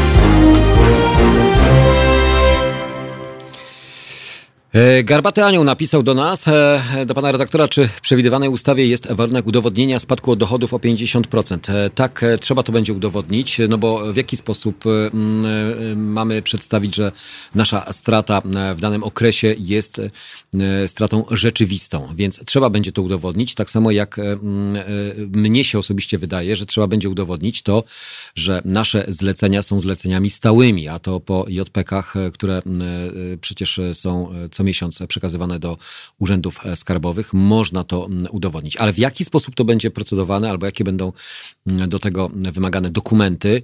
E, mam nadzieję, że będzie to forma mm, bardzo uproszczona, e, aby nie była to skomplikowana. Najlepiej, gdyby to były oświadczenia, które będą później ewentualnie przecież weryfikowane i sprawdzane. No przecież wszystko jest w systemach cyfrowych i wszystko jest spięte więc tutaj, mm, jeżeli y, egzekwowane są od nas podatki i różnego rodzaju nałożone daniny w sposób konsekwentny i szybki, to równie szybko można działać w drugą stronę. To znaczy też można transferować e, przecież pieniądze czy wsparcie dla przedsiębiorców, e, czy dla mikroprzedsiębiorców, czy dla samozatrudnionych w drugą stronę. I mam nadzieję, że nie będzie to wyglądało tak, że za okres marcowy, gdzie my rozliczamy się przecież do połowy kwietnia, E, będziemy dopiero e, w, z początkiem kwietnia składać dokumenty. E, przecież te rozliczenie dopiero nastąpi w połowie kwietnia, za kwiecień w połowie maja. No to kiedy przyjdzie to wsparcie? No właśnie, kiedy? To musi być natychmiastowe, z tego względu, że musimy jako jednostki, jako firmy, jako przedsiębiorcy działać cały czas i funkcjonować i uzupełniać te rzeczy, które nam są niezbędne i potrzebne potrzebne do dalszego funkcjonowania, a czasami do egzystencji, czyli do normalnego życia. W kwestii y, tych problemów i w kwestii tego, co y, cały czas nas e, dotyczy, to dziś o godzinie 14 Sejm i specjalne posiedzenie dotyczące e, tego, na jakich zasadach będą e, głosować jutro posłowie, czy to będzie rzeczywiście e, zdalne, czy nie będzie zdalne, mm, czy uda się to wszystko osiągnąć. Mm, pani marszałek, mm, jak to mówi, że całą odpowiedzialność za obecną sytuację, cała odpowiedzialność będzie spadać na dwa ugrupowania polityczne. Sejm za to posiedzenie spada na Platformę Obywatelską i Konfederację. Wczorajszy y, udzielony jej y, wywiad w mediach publicznych. Staramy się zapewnić wszystkim bardzo bezpieczne warunki na posiedzeniu Sejmu, ale ja odpowiedzialności za to nie wezmę. Odpowiedzialność w tym momencie spada na Platformę i Konfederację, powiedziała marszałek Sejmu Elżbieta Witek. Dzisiejsze e, posiedzenie Sejmu rozpocznie się o 14 i będzie dotyczyło zmian w regulaminie prac Izby, które mają pozwolić na głosowanie zdalne. Posłowie będą pracowali w kilku salach. Posiedzenie miało się od razu odbyć w trybie zdalnym, jednak politycy PO i Konfederacji podnosili, że jest to sprzeczne z konstytucją. Marszałek Sejmu chciała bowiem, e, aby projekt zmian regulaminu, który miał być przegłosowany w piątek, poddać, e, mm, e, pod, podać tak zwaną wsteczną datę. Zmiana regulaminu Sejmu ma dotyczyć piątkowego posiedzenia, na którym posłowie mają zająć się rządowym projektem tzw. Tak pakietu antykryzysowego, który powstał w związku z sytuacją wokół epidemii koronawirusa. Według informacji przekazanych przez marszałka Sejmu na sali plenarnej ma być ograniczona liczba posłów, przedstawiciele każdego klubu i koła. Pozostali posłowie mają mieć możliwość udziału w posiedzeniu zdalnie, również zdalne ma być głosowanie. Witek mówiła mm, wczoraj na antenie TVP, e, iż sądziła, że w sprawie zdalnego posiedzenia Sejmu uda się uzyskać konsensus ze wszystkimi klubami. Udało się tylko z klubem Lewica i klubem Koalicji Polskiej. Tam ta odpowiedzialność się pojawiła. Odpowiedzialność nie tylko za życie, zdrowie i bezpieczeństwo posłów, bo to jest najmniej istotne. Taka jest nasza służba, ale chodziło przede wszystkim o zabezpieczenie zdrowia i życia wszystkich przebywających w Sejmie, ale głównie o to, żebyśmy my, rozjeżdżając się potem po całej Polsce, nie stali się sami źródłem zakażenia. Postawię tu kropkę na razie bo w odniesieniu do e, tego, co ma się dziać dziś i jutro, to jak to się ma do tego, co będzie działo się 10 maja. Dlaczego e, akurat politycy tylko wyrywkowo albo dopasowują to, co im odpowiada do przekazu, aby społeczeństwo znów widziało osoby winne za to, co e, będzie się działo, a nie widzą winy u siebie samych cały czas utrzymując datę wyborów prezydenckich. To tam raczej już zarażenia i rozprzestrzeniania się koronawirusa nie będzie, bo w tym okresie 10 maja nagle okaże się, że koronawirus w Polsce mm, jest stłamszony, stłamiony i mm, opanowany. To pewno taki będzie przekaz, no bo ja inaczej tego nie widzę. Zdaniem marszałek Sejmu podnoszone przez Koalicję Obywatelską i Konfederację zarzuty łamania konstytucji są nie na miejscu, ponieważ, jak mówiła, nikt nie przewidział sytuacji epidemii i na taką sytuację nikt nie stworzył wcześniej żadnych przepisów. No to dobrze. W takim bądź razie, skoro e, nikt tego nie przewidział, to trzeba zrobić taką szybką regulację, czy wprowadzić taki stan, który przewiduje tego typu sytuacje i rozwiązania ale tego jakoś nikt wprowadzić nie chce. O stanie wyjątkowym, stanie klęski żywiołowej, mm, który y, umożliwiałby do y, mm, postępowania w sposób zgodny z konstytucją. Czy można naginać konstytucję w sytuacjach mm, wyjątkowych? Uważam, że nie. nie. Nie powinno się konstytucji łamać. Konstytucja jest tak skonstruowana, że jeżeli są potrzeby wprowadzenia pewnych regulacji, to do tego są odpowiednie narzędzia. Ktoś, kto wymyślił, ktoś, kto e, przygotowywał konstytucję, e, przewidywał tego typu sytuacje i epidemia też tam jest uwzględniona. Mm, e, Witek wskazała, że jej obowiązkiem jest zapewnienie bezpieczeństwa posłom i pracownikom. Nie jestem w stanie dać gwarancji, że mi się to uda, choć podejmujemy wszystkie możliwe działania, żeby tak się stało dodając, że posłowie, którzy przybędą na posiedzenie, otrzymają maseczki, rękawiczki, płyny dezynfekcyjne, będą mieli mierzoną temperaturę, a także będą musieli wypełnić kwestionariusz. Staramy się zapewnić wszystkim bardzo bezpieczne warunki, ale odpowiedzialność za to ja nie wezmę, dlatego że od początku wiedziałam, że to jest mm, ryzyko ryzykowne.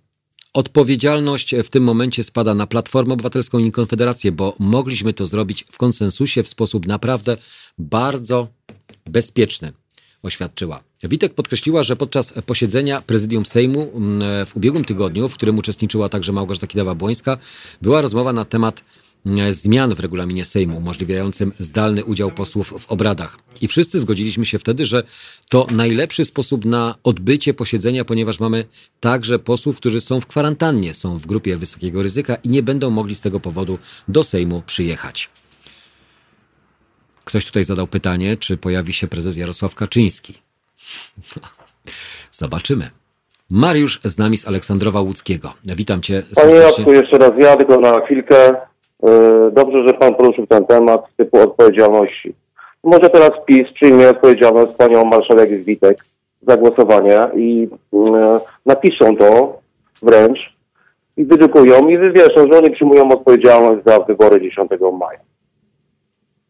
No tak, bo e, jeżeli mówimy tutaj o tym, że kogoś obarcza się winą za to, że może rozprzestrzeniony tak. być koronawirus e, w miejscu, w którym e, posłowie mają pełnić swoje obowiązki, to jak to się ma do wyborów 10 maja? Właśnie. O to mi chodziło. Tylko tyle chciałem powiedzieć. Tyle no to niech też przyjmą na siebie odpowiedzialność ale za wybory. Ale niech oni to wydrukują i napiszą. Oni tej odpowiedzialności nie, przy, nie przyjmują. E, no tego... to niech pani Marszałek nie wygaduje głupot, że to jest wina Platformy i, i koalicji tam, tak? Bo to nie jest ich wina. Po prostu mają się zebrać i już wszystko. No mają się zebrać i już, ale, y, ale tłumaczenie tego e, w taki sposób, e, nazwijmy to... to wczoraj w telewizji, tak żenujące, irytujące i żenujące. denerwujące. Po prostu. Tak. Tak, dziękuję. Mariusz, pozdrawiam e, serdecznie, dziękuję również. E, Mm, dokończę jeszcze tutaj e, w tym oświadczeniu, które było wczoraj. Mm, myślę, że ci, którzy słuchali, no to mają e, to samo poczucie albo to samo odczucie. Mm, wskazywała, że obowiązkiem posłów jest branie udziału w posiedzeniu Sejmu i głosowanie. I jeżeli ja słyszę, że pani Kidawa-Błońska mówi, że konstytucja, na którą się powołuje bardzo często jest ważniejsza od życia ludzkiego, to ja przypomnę, że polska konstytucja gwarantuje każdemu obywatelowi prawo do życia i ochronę tego życia. Warto by pani Kidawa-Błońska i w ten sposób na konstytucję spojrzała, oświadczyła Witek. Ja tutaj nie będę nic dodawał. Myślę, że takie oświadczenie mówi samo za siebie, e, że e, sytuacja wygląda tak, a nie inaczej. E, tu postawmy małą kropkę. Za chwileczkę uda nam się jeszcze pożegnać z Wami, mm, jeżeli będzie to możliwość i po prostu, a czy będzie możliwość normalnego funkcjonowania również rozgłośni radiowej. Jeżeli poz, e, pozwolimy e, antydatować jedną ustawę, to za chwilę następne także będą mogły tak być. To napisał Robert. Nie ma takiej opcji antydatowania. Nie ma czegoś, co e, będzie działało. Jeżeli raz pozwolimy na łamanie pewnych zasad funkcjonowania państwa praworządnego, to każdy następny, wykorzystując daną sytuację, będzie mówił później o tym, że właśnie, mm, bo jest to precedens. Byłby to precedens, a nie możemy doprowadzić do takiego czegoś, żeby taki precedens e, miał e, miejsce. Więc e, czy się to komuś podoba, czy nie, mm, politycy są od tego, aby mm, realizować swoją misję i realizować to, co mają do zrobienia. Więc nie ma, mm, przynajmniej z mojej strony, absolutnie przyzwolenia na tego typu postępowanie i na tego typu oświadczenia, które pani Witek wygłosiła. Można? Można. Okazuje się, że można. W kwestii oczywiście dzisiejszego, dzisiejszych obrad, jak to będzie wyglądało, na pewno po godzinie 14 też na naszej antenie będziemy o tym dużo mówić, więc bądźcie z nami cały czas. Myślę, że e, kwestia tych tematów i tej ustawy, która budzi tyle emocji, albo może nie kontrowersji na razie, emocji, emocji i dużo niepewności, bo zapisy, cały czas będę powtarzał, diabeł tkwi w szczegółach i będziemy zastanawiać się nad tym, czy ona nam pomaga, czy y, pomoże, czy rzeczywiście mm, doprowadzi do tego, że będziemy mogli przynajmniej przetrwać ten trudny okres, jak to wszyscy mówią, a premier w szczególności, będzie to najtrudniejszy dla nas okres. Ja się wcale nie dziwię, że to jest najtrudniejszy okres. Ale dajemy radę. My jako społeczeństwo dajemy bardzo radę, a przede wszystkim e, twierdzimy i myślę, że mm, te ograniczenia, które są wprowadzone, pytanie, które możemy sobie zadać, jak dużo jeszcze zniesiemy? Czy jesteśmy w stanie y, wytrzymać to? Jak widać na razie, jesteśmy. Przejeżdżają obok tutaj na Marszałkowskiej, gdzie jest nasza siedziba, przejeżdżają cały czas tramwaje. E, w przerwach pomiędzy blokami zaglądam, zerkam sobie na mm, komunikację, jak ona wygląda i nasze społeczeństwo jest bardzo, bardzo mm, karne i bardzo mm, rzetelnie podchodzi do obostrzeń, które są wprowadzane. Bo rzeczywiście w tramwajach E, czy w środkach e, innych, e, czy w autobusach, te siedzenia są dzielone, czyli jest pasażer, jest przerwa, jest pasażer i jest bardzo niewielka ilość. E, Robert napisał, e, niestety my możemy protestować, ale jak? E, dwie osoby przed Sejmem i czy pan Her Partia Miłości się przejmie tymi protestami? Ja wiem, Robercie, właśnie, to też było dzisiaj brane pod uwagę, że możemy robić tak zwane protesty dwuosobowe. Dwuosobowe w odległościach co na półtora metra, czyli będzie to zdecydowanie większy protest, ale y, dwie osoby obce Chyba, że jesteśmy e, członkami rodziny, a wtedy e, rodzina może być zdecydowanie większa. No, chyba, że wybieramy się gdzieś na jakieś ceremonie kościelne. E, wtedy te ceremonie kościelne, uroczystości lub sytuacje mogą zbierać pięć osób, ale to Zobaczcie, jak, jakie dysproporcje. Dwie osoby na ulicach, pięć osób w kościołach. Mm, tak to mm, wszystko mm, wygląda i tak to wszystko funkcjonuje. Hipokryzja polityków nie zna granic. Zachęcam również do y, czytania artykułów i komentarzy i opinii ludzi, którzy mają bardzo podobne albo bardzo zbliżone poglądy. Wyjątkowe sytuacje wymagają wyjątkowych działań, więc my też działamy z Wami cały czas. Zachęcamy do współpracy, zachęcamy do współpracy polegającej na tym, że wspieracie nasze mm, działania Halo Radio, przyczyniając się do tego, że funkcjonujemy i że możemy działać. Dziękuję wszystkim za dzisiejszy poranek. Dziękuję dzisiaj za spotkanie. Ja i Piotr. Dziękujemy, Piotrze. Pozdrawiamy, życzymy miłego dnia, przede wszystkim życzymy Wam zdrowia i wytrzymajmy, nie dajmy się zwariować i bądźmy czujni. Bądźmy czujni na to wszystko, co nam próbują zaserwować albo co nam e, próbują mm, wmawiać czasami oficjalnie lub też nieoficjalnie. Więc y, trzymajcie się cieplutko, e, bądźcie w domu, e, przynajmniej na razie mm, i bądźcie z nami, z anteną Halo Radio. Do zobaczenia i do usłyszenia.